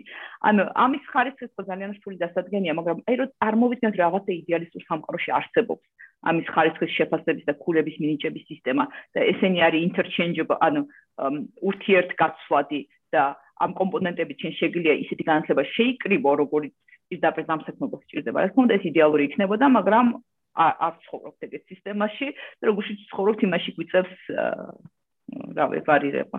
ამასობაში მე მგონი კითხვას გავცდი, მაგრამ დამაბრუნეთ თუ გავ. არ პიკ ძალიან საინტერესო პასუხი იყო მართლა. ერთ დავამატებდი ფრიუნიზე, რომ კი ბავშვებიც ვერც უჭკვიან მიყავთ, მაგრამ ეგ ბავშვები მანამდე მიდიოდნენ სხვა უნივერსიტეტებში და იგივე შედეგი არიდებოდა და მგონი ერთი რაც არის, რომ აა ანუ ეს ექსკლუზიურობა რაც აქვს, ცოტა ყავს და ყველა საკმაოდ მაღალი დონის აძლევს იმას, რომ мотивация არ ეკარგებათ მაგ ბავშვებს და პირიქით მეც იღებენ. ანუ სხვა უნივერსიტეტებში უფრო ხშირად იყო, რომ ძლიერი ბავშვი მიდიოდა და მე სწავლის სწავლის траექტორია ქონდა უფრო და უფრო დაბლა. ანუ ჩემ კურსზეც ბევრი მახსოვს ჩემი ჩათვლით და კიდე სხვა სხვაებიც. ხო და ანუ მგონია რომ თავისუფალ უნივერსიტეტს აი ეგ აქ სწორად ყველაზე კაი რომ мотивაციას უნარჩუნებს მთელი 4 წელი. და ჩვენ არ ვიცით პატარა რამბავი. აჰა. არა, ეს ძალიან მაგარი ამბავია, ოღონდ ჩვენ არ ვიცით ეს მოდელი, ანუ საქართველოს განათლების სისტემის ერთ-ერთი ძალიან დიდი პრობლემა არის ის, რომ ჩვენ დატას არ ვაგროვებთ. ანუ ქვეყანა საჭირო დატას არ აგროვებთ. ეხლა კი, გასაგებია რომ ამას მაგალითად ამერიკაშიც ნაკლებად არის, იმიტომ რომ ნუ რაღაცებში არის, რაღაცებში არა, იმიტომ რომ ამას უნივერსიტეტები თვითონ აკეთებენ, მაგრამ იქ უნივერსიტეტი ძალიან დიდარი, ანუ შეუძლია ამას გაკეთება, ხო? და პლუს კიდევ გაქვს ძალიან ბევრი კომპანია, რომელიც შრომის ბაზარს ძალიან დეტალურად იკვლევს და მე რაღაცა ამ რეპორტებს ყოველწელს თქვა რომ აკეთებს ამ რეპორტს მე რაღაც მაგრამ ისე ამ government data-ს და უნივერსიტეტების data-ს აკეთებს და რაღაც 100-200 დოლარად ყიდის თქვა ამ რეპორტს ხო? ჩვენ არ ვაკეთებთ ამას. მოგვეთხოვება სტანდარტით მოგვეთხოვება შრომის ბაზრის კვლევა მაგრამ მე როგორც ექსპერტი ჯერზე ვიცავ უნივერსიტეტს და ვამბობ რომ შეუძლებელია უნივერსიტეტმა თავისი რესურსით სრულფასოვნად განახორციელოს შრომის ბაზრის კვლევა ამ პირობებში. ანუ იმ პირობებში, როდესაც რაღაცა საქსტატზე რო შეხვალ, ვერ გაერკვევი რა ინფორმაცია სად არის და მთელი დასაქმება, მთელი ეს რაღაცა ICT, აი ინჟინერს ვერ გამოყოფ, რაღაცა გაქვს ერთად მის რა ქვია საინფორმაციო ტექნოლოგიები და ტელეკომუნიკაციები გაქრათ ერთი ჯგუფი და არც ისი ამაში ვინ არის შიგნით რა ხალხია. ანუ ეს რაოდენობა არაფერს არ გეუბნება საერთოდ ხო? და ეს დატა რო არა გვაქვს ეხლა ჩვენ რაც ვაპარაკობთ ხო სულთად ანეკდოტურია. და ეხლა მე რო ვიყო ანუ როგორც განათლების მე არა ვარ განათლების ექსპერტი განათლებით ანუ განათლება არ მიმიღია ანუ არსებობენ განათლების თქვათ მენეჯმენტის ან განათლების ანალიზის ამის სპეციალისტები ხო?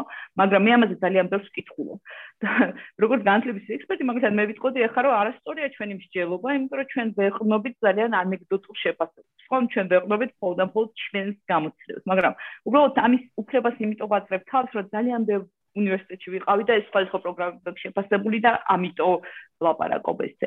ანუ ჩვენ რო გქონდეს მართლა აი ეს მონაცემები, რომ მართლა ასე ხდება, რომ მართლა აი რო ჩააბარა ამ იმით ჩააბარა აი ამ ქულით ჩააბარა და შემდეგ იგივე ქულით ჩააბარებული ბავში, ან იგივე GPA-ის მქონე ბავში, ან იგივე დაახლოებით იგივე გამოცდილების მქონე ბავში შემდეგ როგორი სტუდენტი ხდება, თქვა, სად გაუჭირდა, სად დაამთავრა, ხო, როდის დაამთავრა, როდის როგორი ტიპის სამსახურში დაიწყო მუშაობა. ჩვენ რაღაც ვიკვლევთ, შემდგომ შეგვიძლია ამას ვიკვლევდეთ.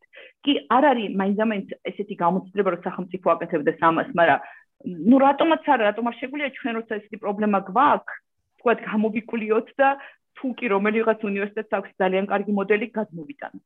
მეორე მხრივ ახლა ის რასაც ძალიან ან თავის უნივერსიტეტს კიდე ერთი ის აქვს, რომ ძალიან კარგი პროგრამა აქვს თვითონ წამოღებული, ხო? ანუ მათ წამოიღეს ხო ეს რაღაცა MIT-ის, Harvard-ის გამოცდილებები, რომელიც ზოგჯერ შეიძლება ძალიან რთულია სტუდენტების, მაგრამ ზუსტად იმით რომ ის ხისტად ჭრის, ან იმას არ აინტერესებს, ეს სტუდენტი იძულებულია რომ რაღაცა რომელიღაც იტერაციაზე ისწავლოს, ხო?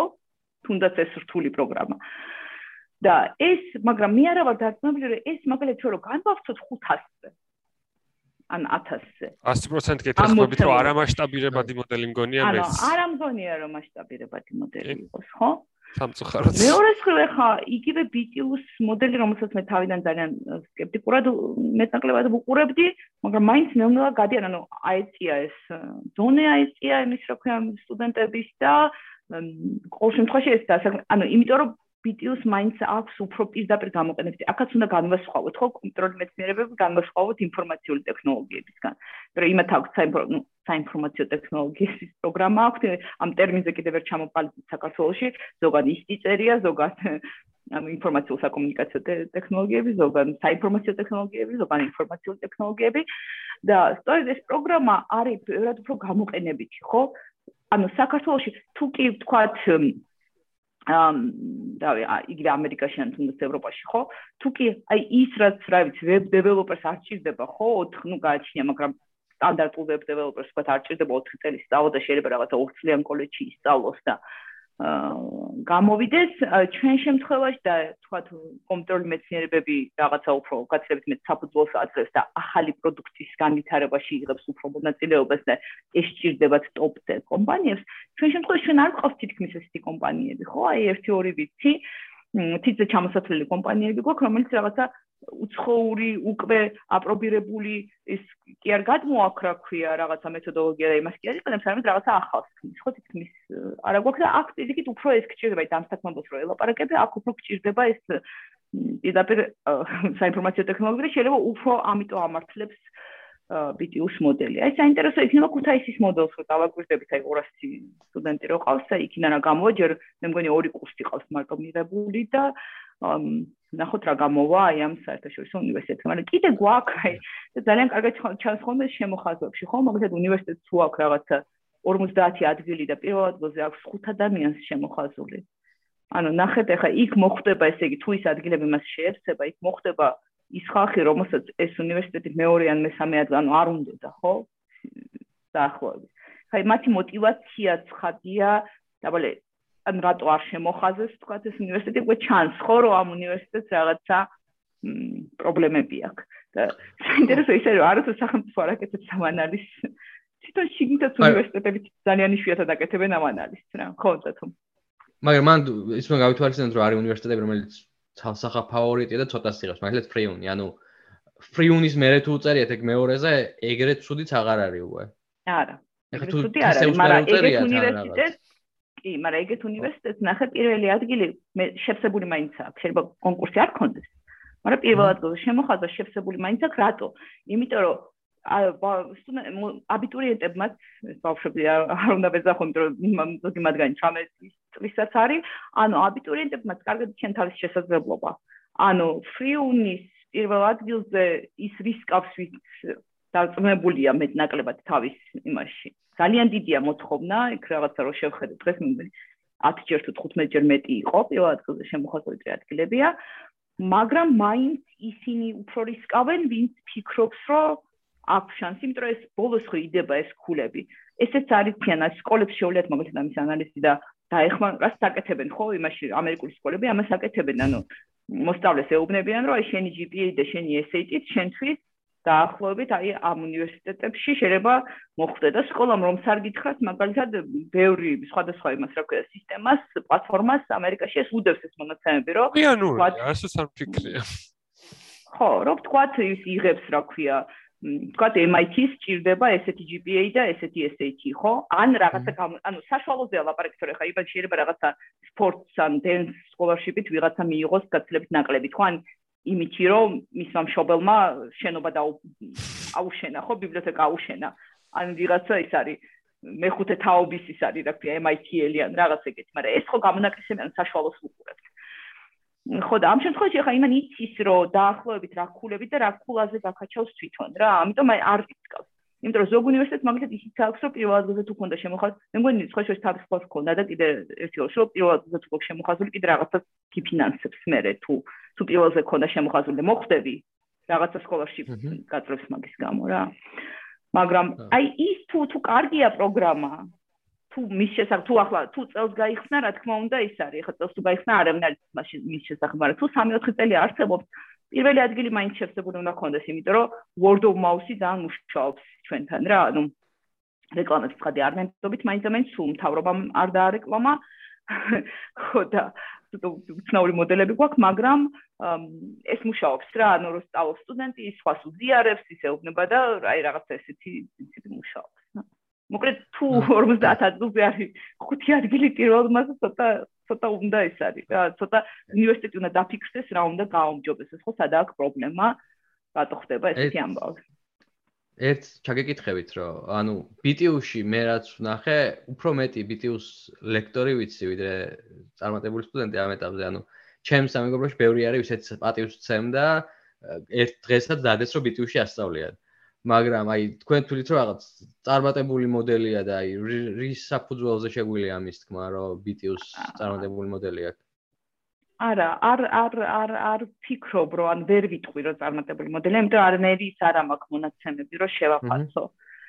ხვდებით? მე უბრალოდ ვამბობ რომ წარმატებული იმ თვალსაზრისით რომ გაზა ანუ წლიდან წამდე რომ შეხედოთ მათ მიერ მიო ბევრი 400 ადგილი ძალიან ბევრი. ხდებ მე მგონი პირველ წელს ერთ შეავსეს ეს თუ არც ქონდა დამდენი და მე გაზარდეს მაგრამ რო შეხედოთ წინან პლანტი იზრდება სტუდენტების ისა გრან ანუ ესეც ცნაურია მოდი ამას ხო აი ამას კარგად ავხსნი ხო? თუ თუ გვაქვს დრო თუ თუ შეიძლება რომ ავხსნა ან ნახეთ ეს არის რა ქვია. ჩვენ გვაქვს ეროვნული გამოცემები არაფერი დატა არა გვაქვს გვაქვს ხოლმე ხოლმე ეროვნული გამოცემები რომელიც არის მათემატიკა ანუ ესეთი პროგრამები ეს არის მათემატიკა ქართული ინგლისური. მანამდე იყო უნარები, მე მოვიდა მინისტრად ბადიაშვილი ეს უნარები გააუქმა.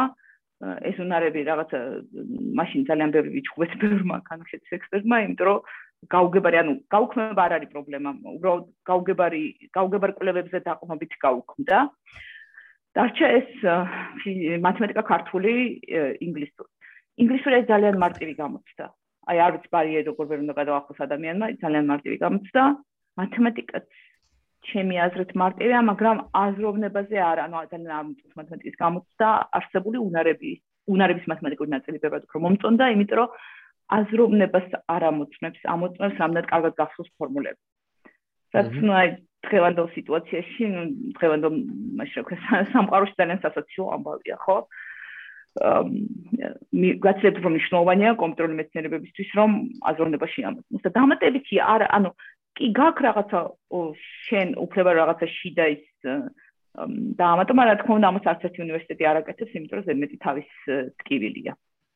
უფრო მეტიც არის რაღაცა ისინი პროგრამები, მაგალითად ბიზნესის, სადაც უნივერსიტეტმა უნდა გადაწყვიტოს, რომ მათემატიკა ურჩევნია, რომ მაგდრენა ჩააბაროს თუ ისტორია, იმიტომ რომ პატიაშუმა ესე ორად გაყო, თქვა რომ ან ან ეს ან ის წელს კიდე რაღაც საგნები დაემატმრეს წელში იცოლა და ეს ბიზნესის პროგრამები აკეთებენ რომ რაღაც ნაწილს აკეთებენ რომ მათემატიკა უნდა მათემატიკას იცხოვენ და რაღაც ანუ აძლევენ უფლებას და რაღაც ნაწილს აძლევენ უფლებას რომ ისტორიით ჩააფაროს რაც ჩემი აზრით აი ძალიან სასაცილო кейსია რომ საქართველოში გვეყოლება ბევრი ბიზნეს პროგრამაზე გვყავს ბევრი ხალხი რომელსაც კალკულუსი უნდა ისწავლოს და ისტორიით არის ისტორია აქვს ჩავარებული ხო და აი ამას უყურებთ ახლა მათემატიკას ქართულს და ინგლისურს მეტი სხვა მონაცემი არ აქვს.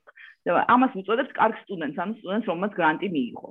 იქაც ძალიან ჩახვალთული სისტემა, რა თქმა უნდა, ეს პირდაპირ აი არა ისახება, მაგრამ აი რო შევხედოთ ამ ვიდეოს, როგორ იღებდა, ცოტა შორით მოვკეთ ფოტოში. ანუ თავიდან ნაკლებად იღებდა და ეხა უფრო მეტ გრანტია სტუდენტს იღებს, ანუ როგორ ჩანს უფრო მეტად იქცევს მიუხედავად რომ 400 ის ადგილი აქვს უფრო მეტად იქცევს ყურადღებას.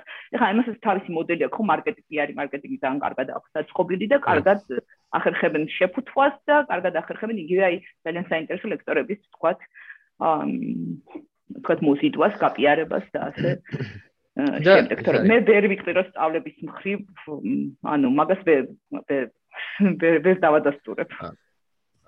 და ეს ლექტორების კარგი სურათებიც აქვს, მაღალი ხარისხის სურათებს დებენ, რაც აა ხო, კარგი კარგი მარკეტინგი აქვს ასეთ შეკრული. აა ანუ ხო, წარმატება გამოსახება იმაში, რომ უფრო უკეთეს ბავშვებს იღება ყოველ წელს და უფრო მეც. მ fair enough. აა მოდი, მაშინ ერთი კიუზეც გითხავთ. ანუ ძალიან ცოტა რამე ვიცით მაგ უნივერსიტეტზე და თქვენ რა იცით? ძალიან საინტერესო პროექტია. აა ძალიან საინტერესო პროექტია. აა ეს არის ფაქტობრივად ქართუს, მაგრამ იმავე დროს სახელმწიფო პროექტია, იმიტომ რომ მაგალითად ქუთაისის საერთაშორისო უნივერსიტეტს ართ ავტორიზაცია რომელიც ევალება ყველა უნივერსიტეტს საქართველოში და არც პროგრამების აკრედიტაცია, რომელიც ასევე ევალება, არ გაუულია, იმიტომ რომ პირდაპირ ბრძანებით მიენიჭა ამ პროგრამებს, ანუ უნივერსიტეტს ავტორიზაცია და პროგრამებს აკრედიტაცია. აა აქვთ სამი პროგრამა ამჟამად მე რამდენად ვიცი მე მგონი ამატებენ მაგრამ ამჟამად სამი პროგრამა ეს არის ბიზნესი მე თუ მენეჯმენტი რაღაცებით სახელით ბიზნესის რაღაც ბიზნეს პროგრამა არის ეს არის კომპიუტერული მეცნიერებები და არის მათემატიკა. და მათ წამოიღეს ტუმის ანუ მიუნხენის ტექნიკური უნივერსიტეტის პროგრამა წამოიღეს ძირითადად უბრალოდ მიუნხენის ტექნიკური უნივერსიტეტს აქვს სამწლიანი საბაკალავრო პროგრამა და აქ ჩვენთან მაშინ არ იყო დაშვებული, ახლა სხვა იყო დაშვებულია, რომ ერთობლივ, ოღონ მხოლოდ იმ შემთხვევაში თუ ერთობლივი ხარისხის პროგრამას გააკეთებ ამ შემთხვევაში რომ მიიღო კაგეთო სამწლიანი საბაკალავრო. მაგრამ მაშინ არ იყო და თან ეს ერთობლივი არ არის, ანუ ეს ვთქვათ ქართული აკრედიტაცია არის, ქართული დიპლომი არის. და დაემატა ესე, ანუ რაღაცა ზოგადი საგნები დაემატა, თუმცა ნაკლებად აქვს ეს ამერიკული მიდგომა ამ ზოგადი საგნების სწავლებს, ანუ პირდაპირ to the point, ანუ პირდაპირ ეს მას ასწავლიან ხო დარგობრივ საგნებს ასწავლიან. ან გერმანული მითქმა. ხო. და აი ეს ესეთი რაღაც ის აქვს კომბინაცია აქვს გერმანელი პროფესორების რომელიც ხა პანდემია იყო პანდემიაში გაიხსნა ფაქტობრივად ეს უნივერსიტეტი. ანუ პირველი ორი წელი პანდემია იყო. მგონი იქიდან ასწავლიან ნაწილობრივ და აქედან ქართული სხვა რა ქვია. ანუ paired არის პროფესორები. ინგლისურად ხო ალბათ წავალ როგორც მივხვდი. ინგლისურენოვანი არის კი, ეს პროგრამები არის ინგლისურენოვანი. აა ადგილები არის მე მგონი 200 ადგილია თუ ვწდები.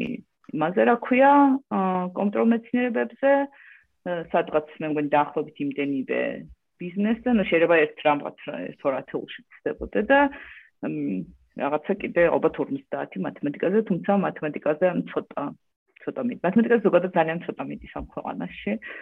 ხა ეგ გასაგებნისების აა არა ხალხი. ანუ ხ პანდემია იყო, მაგრამ სად იცხოვრობს მაშინ ესე დავსვათ კითხვა, რა კამპუსი აქვს თუ ეს ქუთაისში ცხოვრობენ და მე რას ველოსიპედით? არა, კამპუსი აქვს. და ეს ერთ-ერთი ერთ-ერთი ის არის ძალიან მიმზიდველი არის სტუდენტებისთვის, რომ ეს კამპუსი არის.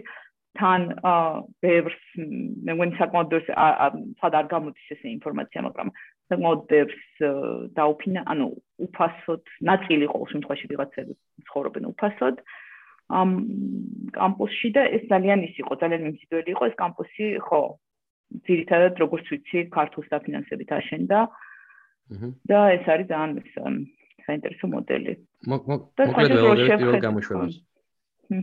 კი, ორ წელიწადში ალბათ მე მგონი დაახლოებით ეს არის. დანგა, რაღაც თქმა გინდათ?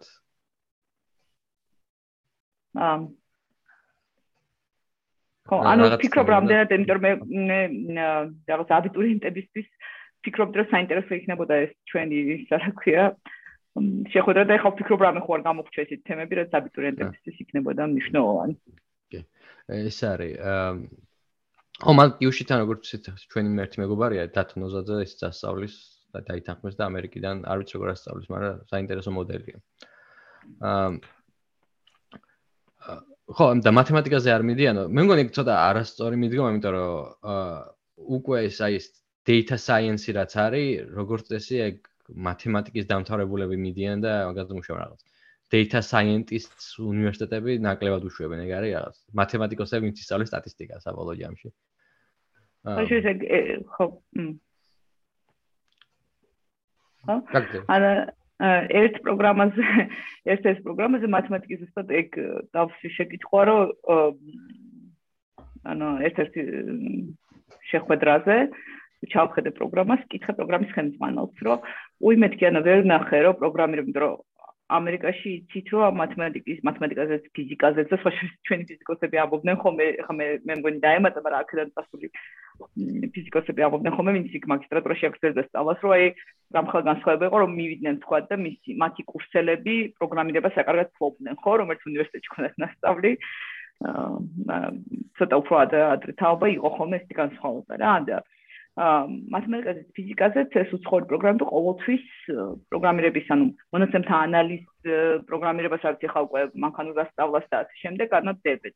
ამ შემთხვევაში აქ ვერ დავინახე ეს კურსები და ვკითხე პროგრამის ხელმძღვანელს, რომ ანუ რატო არა გაქვთ მეთქი და ამ რა ვიცი, ანუ არ ჭირდება ჩვენი ისინიო ძალიან კარგად საქმდებიანო რა, ჩემი კურსდამთავრებული ყველაო ძალიან კარგად საქმდებაო და ხომ მე დავიბენ, იმიტომ რომ ვერ წარმოვიდგენე, რომ მაგისტრატურას მათემატიკას მომთავრებ საქართველოში რა უნდა აკეთო, თქვა თან ტექნოლოგიური ცოდნის გარეშე სად საქმდებიან ეს? აიო, ბანკებშიო, მონაცემთა ანალიტიკოსებადო.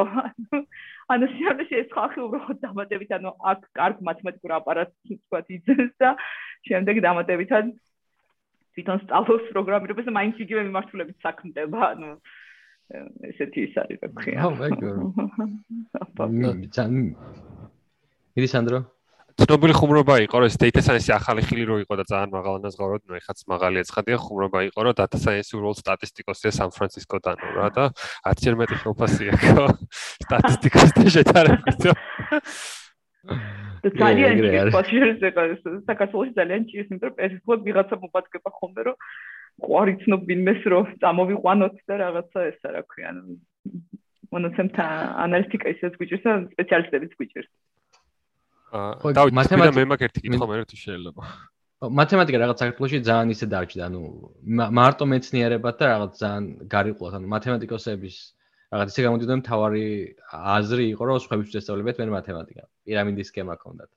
ხო და ახლა ეს არის უკვე გამოჩნდა ესეთი გამოყენების ან მარტივი შედეგები სანდრო? იცი ამ სხვადასხვა არ არის მაგალითად იმიტომ რომ აი ძალიან საინტერესოა რომ გამოყენებითი მათემატიკა და ეს კიბერნეტიკა და რაღაცები ძალიან ადრე განვითარდა საქართველოს. ეხა იმასთან შედარებით არა რა თქმა უნდა განვითარ ანუ დასავლურ ქვეყნებთან შედარებით მაგრამ აი მოსკოვში რჩნდებოდა რაღაცა ძალიან მალე ჩნდებოდა საქართველოში, იმიტომ რომ კარგი ყავდა ზოგადად, კარგი მაგროს ყავდა, კარგი მათემატიკოსები, რომელიც მოქონდათ ეს ნაწილი, მაგრამ მე ძალიან გაჩერდა, იმიტომ რომ ეს ხო ძალიან ის არის, ეს გასაგები ამბავია, ჩვენ რა გვიჭირს ზოგადად საქართველოში იგივე კვლევების და ამაზე ვლაპარაკობთ ხო ბევრჯერ ვლაპარაკობთ ხოლმე ამ მეცნიერების კომერციალიზაციაზე. ანუ ჩვენ არა გვაქვს ჩვენ ინდუსტრიისგან დაკვეთა არა გვაქვს.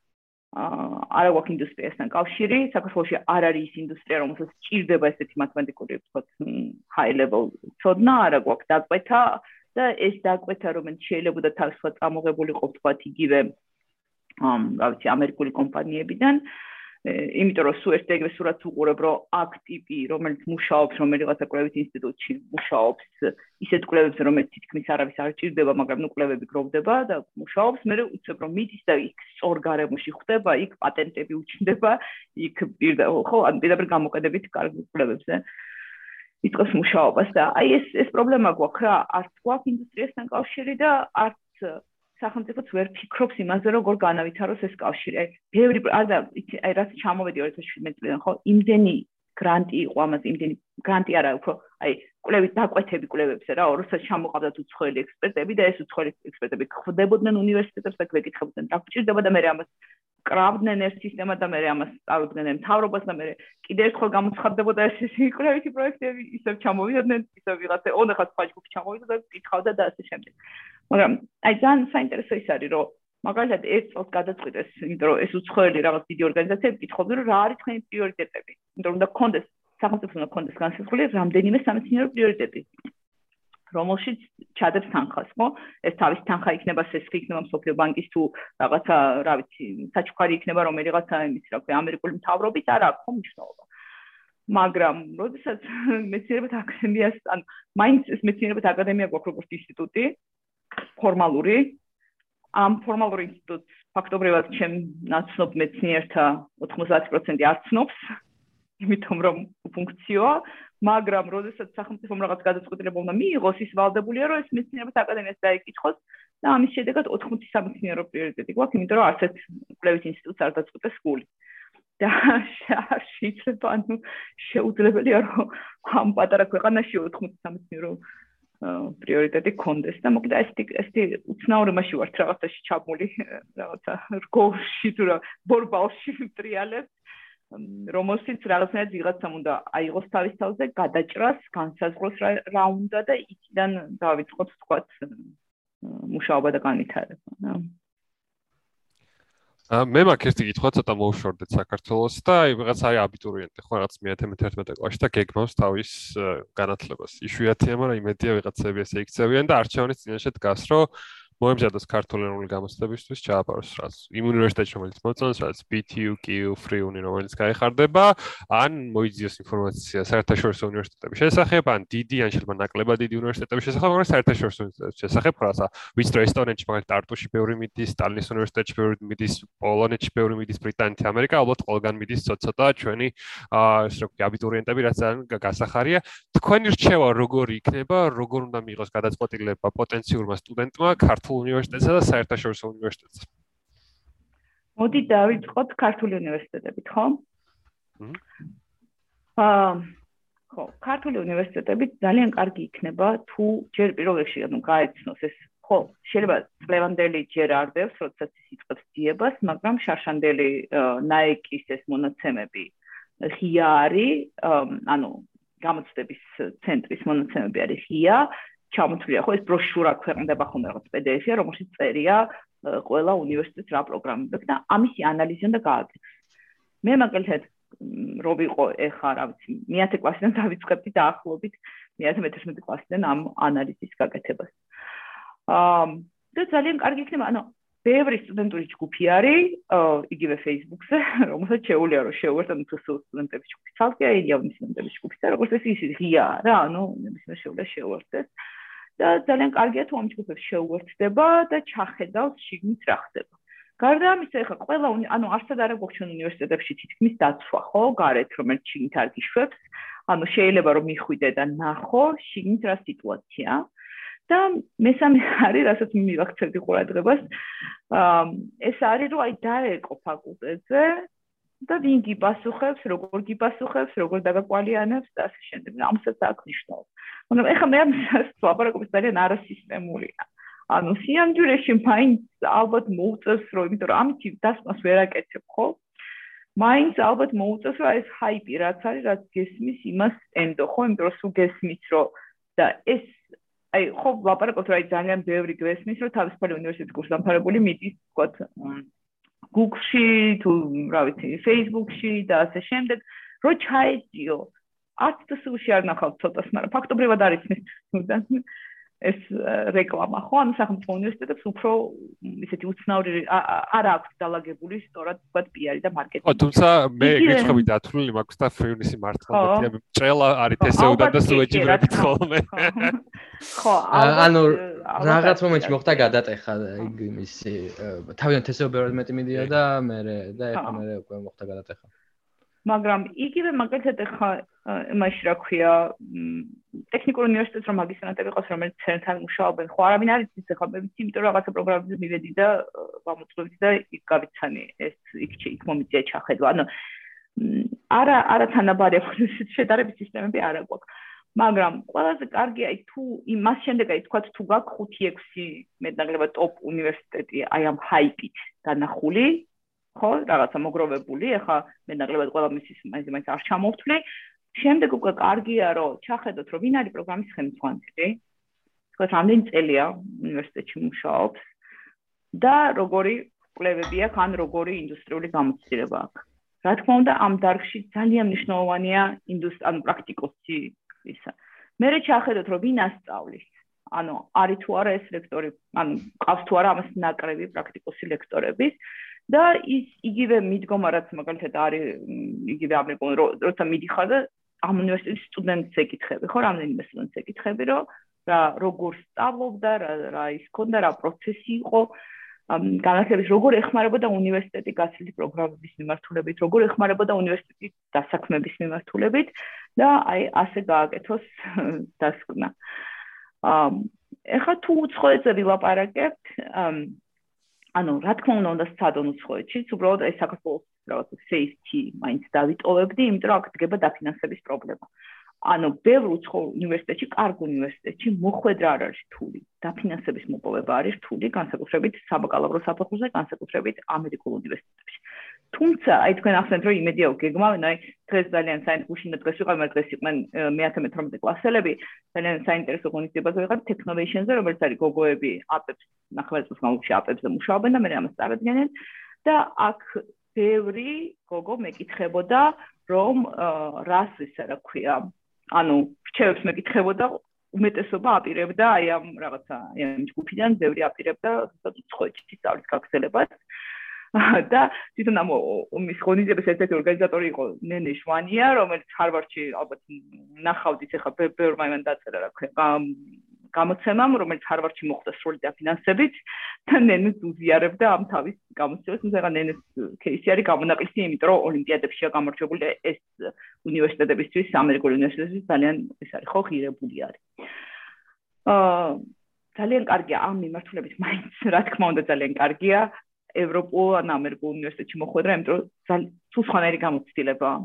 მაინც მიუხედავად რომ ეს ყველაფერი ვიცით, ნუ ბევრი მიზეზია იქ რესურსების სიმწირე, იქ ორგანიზაციული კულტურის არარსებობა, იქ პროფესორის პროფესორების შეფასებისა და განვითარების გზის არარსებობა, იქ ზოგ უნივერსიტეტს ძალიან ძველი ტიპის, ძველი ყაიდის პროფესორები ყავს და ძალიან თეორეტიკოსები, არაპრაქტიკოსები და რომელთაც უჭირთ თანამედროვე ტექნოლოგიების სწავლება, ხო? ანუ ბევრი პრობლემა გვაქვს სხვადასხვა ტიპის პრობლემები საქართველოში, ამიტომ მაინც და მაინც ვერ განვახორციელეთ ის მოდელები, რომელთა შესახებ ცნობილია და რომელთა განდოტანა იოლი იქნებოდა.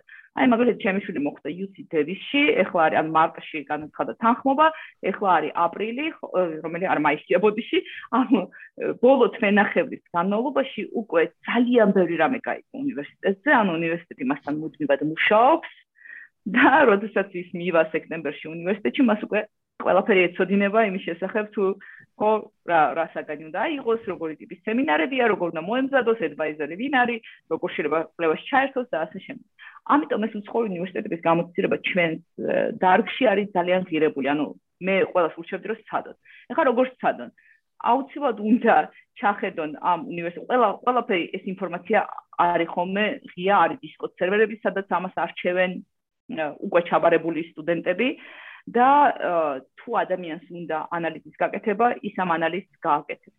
აი მაგალითად ძალიან საინტერესო кейსი იყო, რომ მოუწია ერთ-ერთ ცნობილ ტოპ ამერიკულ უნივერსიტეტს რაღაცა кейსის გამო მოუწია გამოქვეყნება თავისი სტრატეგიის თუ როგორ ირჩევს სტუდენტს და ცხადია ამ სტრატეგია, ანუ მთელი ის არის რა ქვია, რაღაცა 100 გვერდიანი დოკუმენტი თუ რაღაცა და ცხადია 100 გვერდიანი დოკუმენტს თუ გაანალიზებ, უფრო უკეთესად დაწერ სამოტივაციო წერილს. ახლა რა საქცემენ უცხოური უნივერსიტეტები ყურადღებას?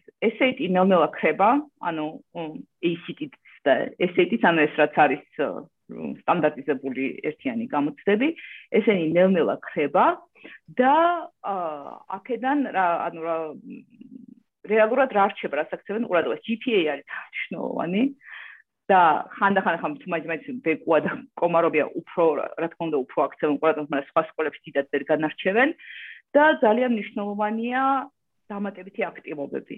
ანუ თუ ეხა ოლიმპიადებს ოლიმპიადებს ხადია ძალიან კარგი მაგრამ ეს ამდენი ეს იყო ეს ამდენიმე ბავშვი ლაპარაკრე იმას ჩემი რჩევა არ ჭირდება თვითონაც იციან როგორ როგორ ის რა ქვია როგორ გააგრძელონ თავის კარიერა მაგრამ აი მნიშვნელოვანია დამატებითი აქტივობები რაღაცების ორგანიზება დახმარება სხვა მოსწავლეების სწავლება თქვათ მოხალისეების ჩართვა სხვა სხვა პროგრამებში.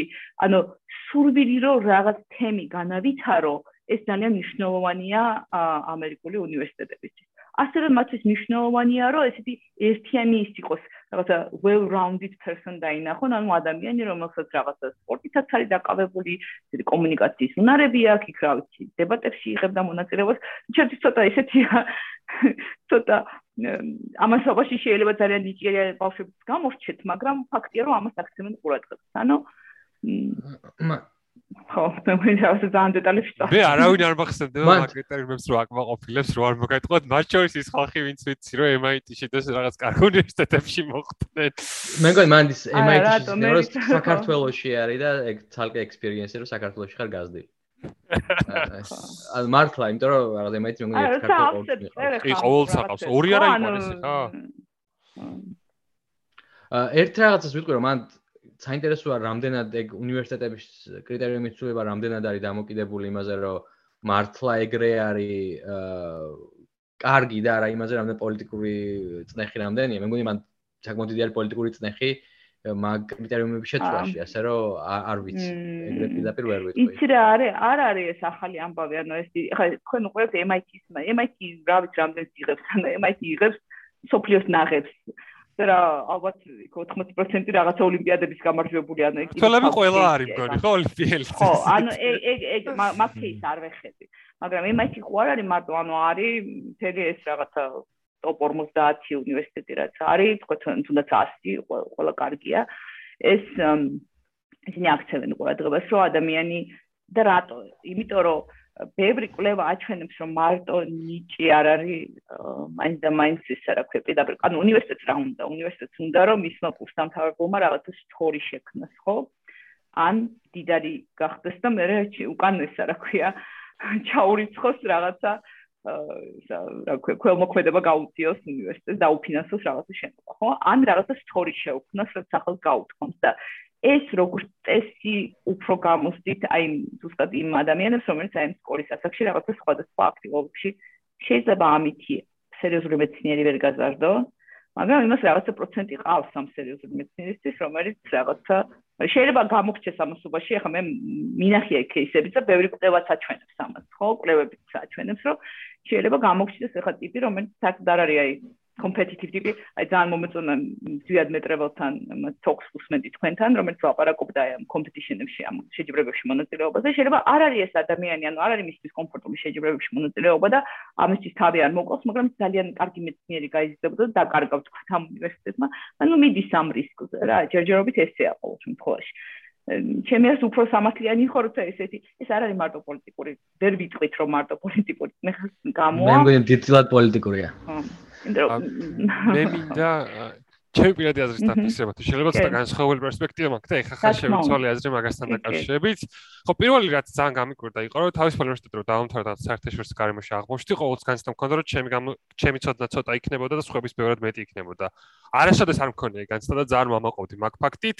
ბევრი ტოპ უნივერსიტეტ დამთავრებულ ხალხთან მილაპარაკია, გვიკამათია, ეს საქმეში ერთად გვიმუშავია და ყოველთვის განცდა მქონდა რომ რასოდაც უნივერსიტეტმა მომცა და მეც კიდე ჩემი თამოკიდებლად რაც გავაკეთე აბსოლუტურად ადეკვატური იყო იმ მოცემული მონაკვეთისთვის. ამიტომ რომ კითხვაზე პასუხი საქართველოს შეიძლება თუ არა ისეთი ცოდნა მიიღო რომელიც გამოგადგება და საერთაშორისო ბაზარზე იქნება კონკურენტული მე მგონი რომ ცალსახად არის კი ჩემი ჩემი მაგალითი ფრიუნია და ალბათ სხვა მაგალითებიც იქნება როგორც ყო ვისაუბროთ ბროკი არ ვიცი.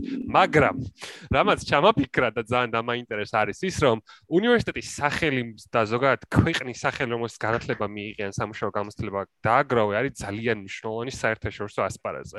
სამწუხაროდ საქართველოს როგორც ქვეყანა არსად არ რეგისტრირდება. ამიტომ განათლება როგორც საქართველოს მიღებულია ნამუშევრები როგორც საქართველოს მიღებული საერთაშორისო ბაზარზე განსაკუთრებით ტოპ კომპანიებთან კონკურენციაში შედიხარ, არანაირად მომგებიანი არა და სამწუხაროდ შეიძლება ხანდახან წამგებიანიც იყოს. აქედან გამომდინარე ის ფაქტი, რომ ვიღაცა შეიძლება სწავლობდა უნივერსიტეტში, რომელიც სხვა ქვეყანაში და ის ქვეყანა უფრო წარმატებულია, ბრიტანეთი, რაღაცა ამერიკა, ჰოლანდია, სხვა ქვეყანა, მარტო ეგ ფაქტიც კი უკვე შეიძლება ძლიერი გადამწონი არგუმენტი იყოს, იმიტომ რომ საქართველოს მაგრად ვიღაცა ჰოლანდია, ბრიტანეთი ეწევს ერთი. და მეორე თუ გაგიმართლა ისეთ უნივერსიტეტში სწავლობ, რომელსაც ძლიერი სახელი აქვს, რაღაცა რო წაიკითხავ ესეთი კარგად კარგად იკითხება, შეიძლება არ იყოს საუკეთესო უნივერსიტეტი, მაგრამ სახელი ისეთი კონდეს რაღაც შეგეშინდეს, ძალიან მნიშვნელობას აქცევს. ანუ მე ყოველთვის ჯერდა ჩემ თელ კარიერის განმავლობაში, რომ ყველა შენს რეზიუმეში აინტერესებდა შენი გამოცდილება და ის bullet point-ები, რომელსაც წერდი, 10 წლის განმავლობაში 1000 ჯერ მაგ გადაწერილი და ალბათ კიდე 1000 ჯერ გადავწერ. სამწუხარო რეალობა ისაა, რომ რეალურ სამყაროში ყველა გადაწყვეტილება სწრაფად იღებს და უმეტეს გადაწყვეტილება კომპანიის ლოგოებით, უნივერსიტეტის სახელებით და მსგავსი პატარა პატერნებით არის მიღებული და არა იმით ვინ ხარ შენ. საბოლოო ჯამში შენი ისტორია ძალიან ცოტა კომპანიას აინტერესებს და სამწუხაროა ეგ ჩემი აზრით. თუმცა ყოველთვის ეგრე არის. ანუ იცი რა ეხლა არ მინდა რომ ისე გამომივიდეს. ნამდვილად არანაირად არ ვამბობ იმას, რომ არ არის საკმარისი საქართველოს სწავლა, უფრო მეტიც შეიძლება, ანუ მაგალითად ჩემს სფეროში იმ აი ელექტრონული ინჟინერიის ოსლი იმ ხალხთან ვისაც მიმუშავია, ჩვენ და აღმოსავლეთ ევროპა ცნობილი ვართ იმით, რომ მათემატიკა ვიცით ბევრად უკეთესად, ანუ მათემატიკის და ფიზიკის საფუძველი და აპარატი ბევრად უკეთესად გვაქვს ჩამოყალიბებული, ვიდრე ტიპური ამერიკული რაღაც საშუალო უნივერსიტეტის დამთავრებულს. აა და ეს ეს ანუ მე მოგწევ არ მქონია ამის განცდა, რასაც შენ ამბობ სანდრო, იმიტომ რომ აა ხო შეიძლება ჩვენ უფრო ინჟინერიის მიმართულებით რომ მუშაობ ანუ ერთ არგუმენტს მოვიყვან რატო არის ჩვენთან სხვა მე აკადემიაში მუშაობდი, მაგრამ ძალიან საინტერესო იმაში მუშაობდი რა, გარემოში ამას უცებ ვიტყვი რა, იმიტომ რომ ძალიან მნიშვნელოვანია რა ვიტყვი, რომ ის ანუ წარმოგიდგენ ეს არის რაღაცა სადღაც ის რა ქვია ამერიკის შუაგულში არის ეს როლა სადაც ჩვენ მუშაობდით იქ არის მისურის მეცნიერებათა ტექნოლოგიების უნივერსიტეტი რომელიც არის რაღაცა 150 რეიტინგში მაგრამ ამას აქვს ელექტრომაგნიტური თავსებადობის ლაბორატორია რომელმაც ამერიკის სამეცნიერო ეროვნული ფონდის დაფინანსება მოიპოვა. იმისთვის რომ გაიგეთებინა კონსორციუმი და ამ კონსორციუმის წევრები არიან 20-მდე ნუ იცლება ყოველ წელს მაგრამ 20-მდე ტოპ ტექ კომპანია. და ამაში ეხა რაღაც 15 ქართულმა უკვე გამოიარა ეს ლაბორატორიის რაღაცა ან ირიბადან პირდაპირ და სილიკონის ველზე მუშაობს და ესეთი სისტემა აწყობდი რა ამიტომ პირდაპირ ვიცი ამ აი იმ კომპანიებს რომელიც ჩვენთან იყვნენ რა ტიპის სტუდენტები ჭირდებოდა თუმცა ამათ მიყავდათ ინტერნშიპებზე და შემდეგ ასაქმებდნენ ამ სტუდენტებს ჩინელებს ინდოელებს. იქ ამერიკელი ფაქტობრივად ჩვენ სტუდენტი არ ვყავდა იყვნენ სულ ჩინელები ინდოელები ცოტა ძალიან რუსები და ქართველები.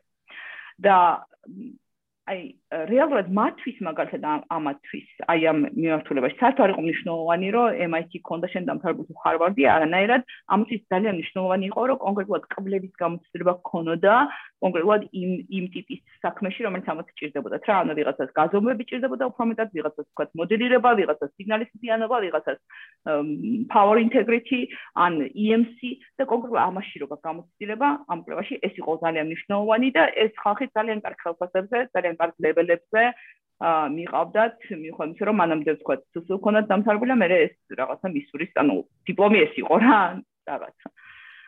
და მე ამას ხშირად ვუყურებ, აი ჩემი მეგობარი არის მაგალითად YouTube-ის ჯგუფში, Google-ის და მას უწევს ხოლმე უნივერსიტეტებში ჩასვლა. ინტერშიპების აი ქართველი არ არის. მას უწევს ხოლმე ამ უნივერსიტეტებში ჩასვლა ამ სტუდენტების შერჩევისთვის ინტერშიპზე ნუ ინტერშიპზე შერჩევა ძალიან მნიშვნელოვანია მე დასაქმებისთვის ხო? იმიტომ რომ თქვა ხუთი თუ მიყავთ იმ წელს ინტერშიპზე შეიძლება ერთი იქიდან მომავალ წელს დაიტოვონ და მეცი თოებებს ხო შეიძლება დაიტოვებენ ალბათ უფრო ვიდრე ერთს. ხო შეიძლება ნუ ფაქტი ხარ იცხოვს თავს ვერ დავდებ იმიტომ რომ არ ჩამიხედავს ამ მონაცემებში მაგრამ ის ამბობდა რომ აი ის როგორ ისჩევდა ის ისჩევდა იმითი რომ რაღაცა ლოგიკურ ამოცანებს და რაღაცა ესეთ საინტერესო კითხვებს მოკლედ აძლევდა და ძალიან უკრირდა რომ ხშირად აი ამ ტოპ უნივერსიტეტების კურსდამთავრებულები ვერ ვერ აზროვნებდნენ ამ დონეზე, რომელსაც ის იყო ერთ-ერთი აღმოსავლეთ ევროპის ქვეყნიდან იყო, ისინი ოლიმპიადებში ქონდა მონაწილეობა მიღებული, აი ამ იმ იმ მაინც მათემატიკა არ არის ამ პეშ რომ ვიფიქროთ, ანუ იმ მათემატიკურ დონეზე მიხვდეთ რომ ჭირდებოდა იმაში რა ქვია, ხო?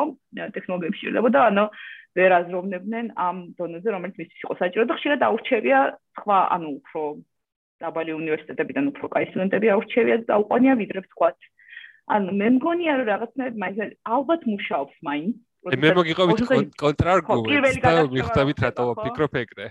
აი ჩემი ისტორია არის ესეთი, რომ ხო პირველი მე მგონია რომ მათემატიკა და software engineering-ის განსხვავება ისაა, რომ აღმოსავლეთ ევროპას აქვს ცუდი სახელი. ანუ ჩვენ რეგიონში რომ მოშწვარდებით, ჩვენ გარშემო არის სომხეთი, აზერბაიჯანი, რუსეთი, უკრაინა, ბელორუსი. არც ერთი ქვეყანა არ არის ცნობილი soft skill-ებით, არც ერთი ქვეყანა არ არის ცნობილი ინგლისურით და ყველა სიხის ტიპ და აგრესიულობით ცნობილი. თუმცა ტექნიკური ცხადია რა ძლიერები და დაბალი ხელფასით, ხო?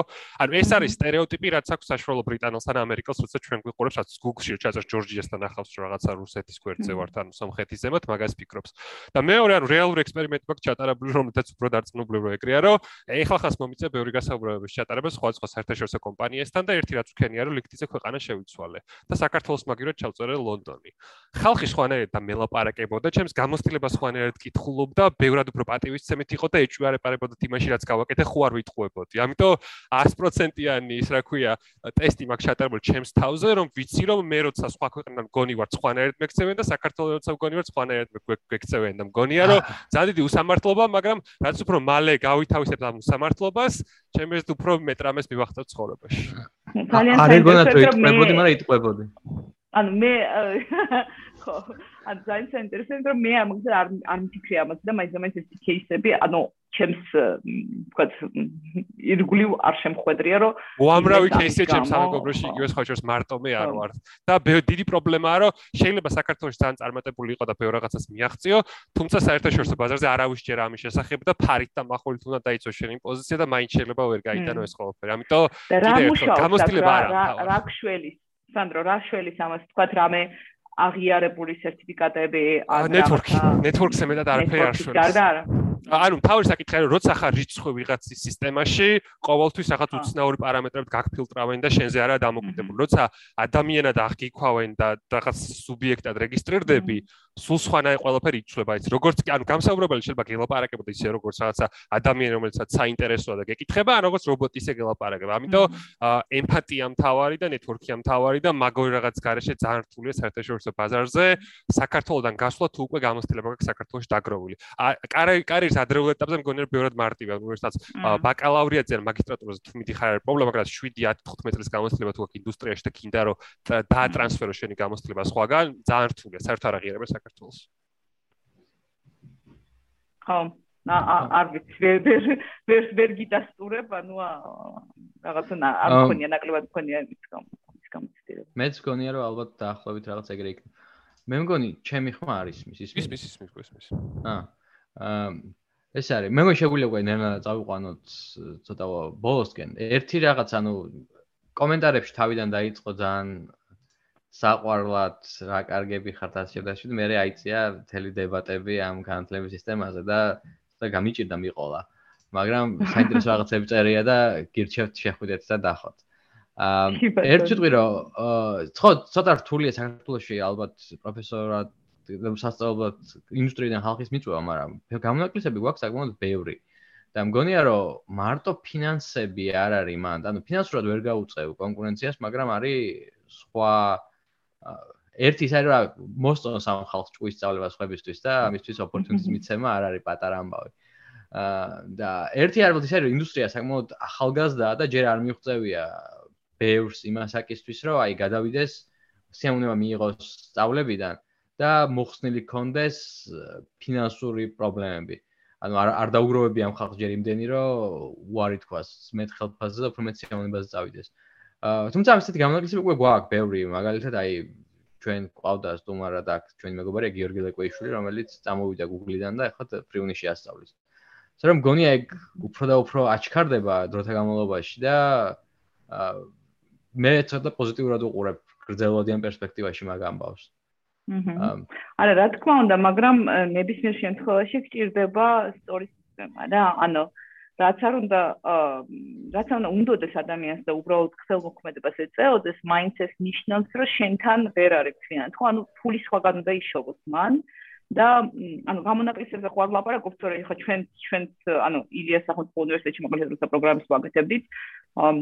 ძალიან სერიოზული ხალხი მოვიდა იგივე პროგრამის ხელმძღვანელობა და პროფესორობა და ასე შემდეგ, მაგრამ ეს ხამ ხალხს უწევს პარალელურად და ეს ყველა უნივერსიტეტში ეს არ არის ჩვენ არა ვართ გამონაკლისი.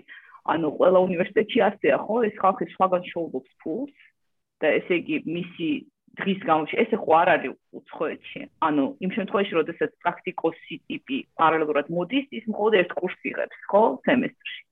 ან მაქსიმუმ ალბათ ორს და მას მთელი სისტემა აქვს მხარდაჭერის. და იმ შემთხვევაში თუ ადამიანი არის პროფესორი, ის მთლიანად არის უნივერსიტეტში, მას აქვს office hours, როდესაც შენ ნებისმიერ დროს შეგვიძლია მიაკითხო, ის ჩართულია advising-ში, ის არის ანუ რჩევებში, რჩეველი არის სტუდენტების, ის პარალელურად რაღაცა სტუდენტურ კლუბების ის არის advisory კლუბების ის არის, რა ქვია, რჩეველი ასევე სტუდენტური კლუბები, იქ რაღაცა კვლევა აქვს და იმაში ურთალ, ნუ ხვდებით ხო, ეს იგივე ვერანაირად რაც არ უნდა შენ მოხალისეობრივად ამ ადამიანებს ეძახო, ეს იგივე ვერანაირად ვერ იქნება. მაგრამ მიუხედავად ამისა, ჩვენ ახლა რასაც ვუყურებთ, ხო, პირიქით იმხელა გასვლა, იმხელა გადინება გვაქვს თვითნების, ანუ ტივწუწულებთ ახლა სანდროს ლაპარაკობს რომ ხანაერად იყურებენ, მაგრამ სიამძულეში ხო ამ პატარა ქვეყნის ძალიან დიდი გადინება გვაქვს, ხო? ზუსტად იმიტომ რომ იგივეს არათუ აკადემია ინდუსტრიას კი ვერ უზრუნველყოფს ხო? იგივე ვთქვათ ან ხელფასებს ან კომფორტს ან განვითარების შესაძლებლობას ხო? რამდენიმე ის არის ხო? мотиваცია აქვს ამ სფეროში ადამიანს ხო? და საკმაოდ ძალიან ბევრი წარმატებული ქართველი ყავს გარეთ ანუ ესეც ნიშანს ახლა ამაზე მეტი წარმოუდგენელი იქნებოდა რა ვიცი ძალიან დიდი რაოდენობა არის ჩემი აზრით მაინც გასული. ამ და ხადია ეს პროგრამა ეს ნიშნავს რომ ხა ეს პროგრამები მეტნაკლებად ამ ცოდნას იძლევა. ხო? ანუ ეს არ არის რომ ცოდნას ვერ მიიღებ.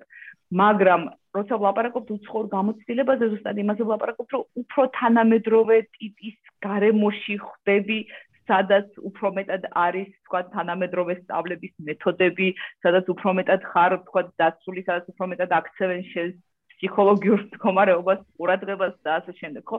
ანუ სხვა გარემოზე ვლაპარაკობ და ამიტომ თუ არის შესაძლებლობა რომ მიიღოს სხვაგან განათლება, რა თქმა უნდა, ეს არის უფრო საინტერესო გამოცდილება. მაგრამ იმავე დროს საქართველოსი, არო, უფრო მეტად სხვანაირად გამოვიდა, იმიტომ რომ მე ზოგადად ამ ხუთი გამოში ძალიან ბევრი მოსწავლეს ვხვდები და პირიქით იმას ვეუბნები, რომ რა შეიძლება მეტად წადი ტექნოლოგიებში, აი რაც არ უნდა გაინტერესებდეს მაინც პარალელურად ტექნოლოგიები ისწავლე, ეს რო არ მჯეროდეს რომ საქართველოსი ამის გაკეთება არის შესაძლებელი, რა თქმა უნდა, ასე არ ვიტყოდი, ხო? ანუ რა თქმა უნდა, საქართველოსი ამის გაკეთება არის შესაძლებელი, უბრალოდ ისევ და ისევ მხოლოდ უნივერსიტეტს ვერ საქართველოსი ვერ დაეყნობი, ვერ ცხოვეთში ვერ დაეყნობი, ანუ მუდმივად თვით განათლებაზე ნებისმიერ შემთხვევაში უნდა იზრუნო და მადლობა ღმერთს, რომ ამის უზარმაზარი შესაძლებლობები არსებობს. და კიდევ ერთი ვარიანტია, ის არ არის პრობლემა, რომ მაინც რომ შევაჯამოთ, რომ ის არ არის პრობლემა, რომ უნივერსიტეტში ვერ მოხდე, თუ კი შენ შეგიძლია თვით განათლება თუ კი შეგიძლია, რა ვიცი, ჩვენ ეს მაგალითები გვაქვს, აი მაშინ რა ქვია, რაღაცა პრიზებსაც იღებენ ხოლმე 17-18 წლის ბავშვები, რომელიც რაღაცა სერიოზულ რაღაცებს აკეთებენ, ხო? გამონაკლისია, მაგრამ არსებობს, ანუ ესეც არ არის პრობლემა, ისიც არ არის პრობლემა, ჩვენ არა გვაქვს გეფიერის, მე ძალიან მომწონს გეფიერი, თუ არის შესაძლებელი, თუ ამის ფინანსური შესაძლებლობა აქვს ოჯახს, იმიტომ რომ ადამიანი ამთავრებს სკოლას და მე რაღაც სტაჟზე მოდის ამასობაში და ხვდება რა უნდა ცხოვრებისგან, ხო? უფრო მშვიდად შეარჩევს პროგრამებს, უფრო მშვიდად გადაწყვეტავს სად უნდა სწავლის გაგრძელება, როგორ უნდა გაგრძელება და ამათობაში შეუძლია ეს ერთი წელი ზუსტად თვით განათლებას მოახმაროს უამრავი პლატფორმა ინგლისური თუ იცით, თუ არა და არის რაღაცა პატარა ჯგუფები, რომელშიც მეტნაკლებად რაღაცა საპორტ სისტემა არსებობს და ამის გამოყენება არის შესაძლებელი. ამ ძალიან საინტერესო კითხვები იდება და მე ვეცდები რომ შევიდე და რაღაცას მე თუ მპასუხო, არ ვიცი, აა ხობსაც თუ გავა. მეც ანუ მე შემიძლია რომ შევიდე და იქ უპასუხო თუ გინდათ რომ ანუ თუ გინდათ მკითხეთ და უპასუხოთ თუ გინდათ იქ. ხო, იმიტომ რომ მე მგონი რომ საკმაოდ ისეთი ცელი კითხვებია და ალბათ ვეღარ მოვასწრებ. აა ამიტომ გონია რომ ჯობია აქ მოვრჩეთ.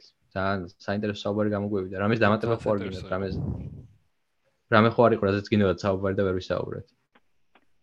აა, არა, მე მგონი, მე მგონი ყველა ყველაფერი დავფარეთ და ო, უბრალოდ მე მგონია რომ ეხა უბრალოდ უთხრევთ პოდი აბიტურიენტებს რომ ძალიან ბევრი სხვადასხვა შესაძლებლობა აქვს და იმასაც არ აქვს დიდი არსებითი მნიშვნელობა რომ კარგ შეიძლება რაღაცა კარგ უნივერსიტეტში ვერ მოხვდნენ, იმიტომ რომ მე არსებობს მაგისტრატურა, ან არსებობს ისე დაცვის პროგრამები, შეუძლიათ რომ ამ პროგრამებით რაღაც სემესტრით წავიდნენ და ესეც ან ბევრი შესაძლებლობა აქვს, როდესაც შეუძლიათ ამ თავისი მიმართულებების ცვლა, ხო?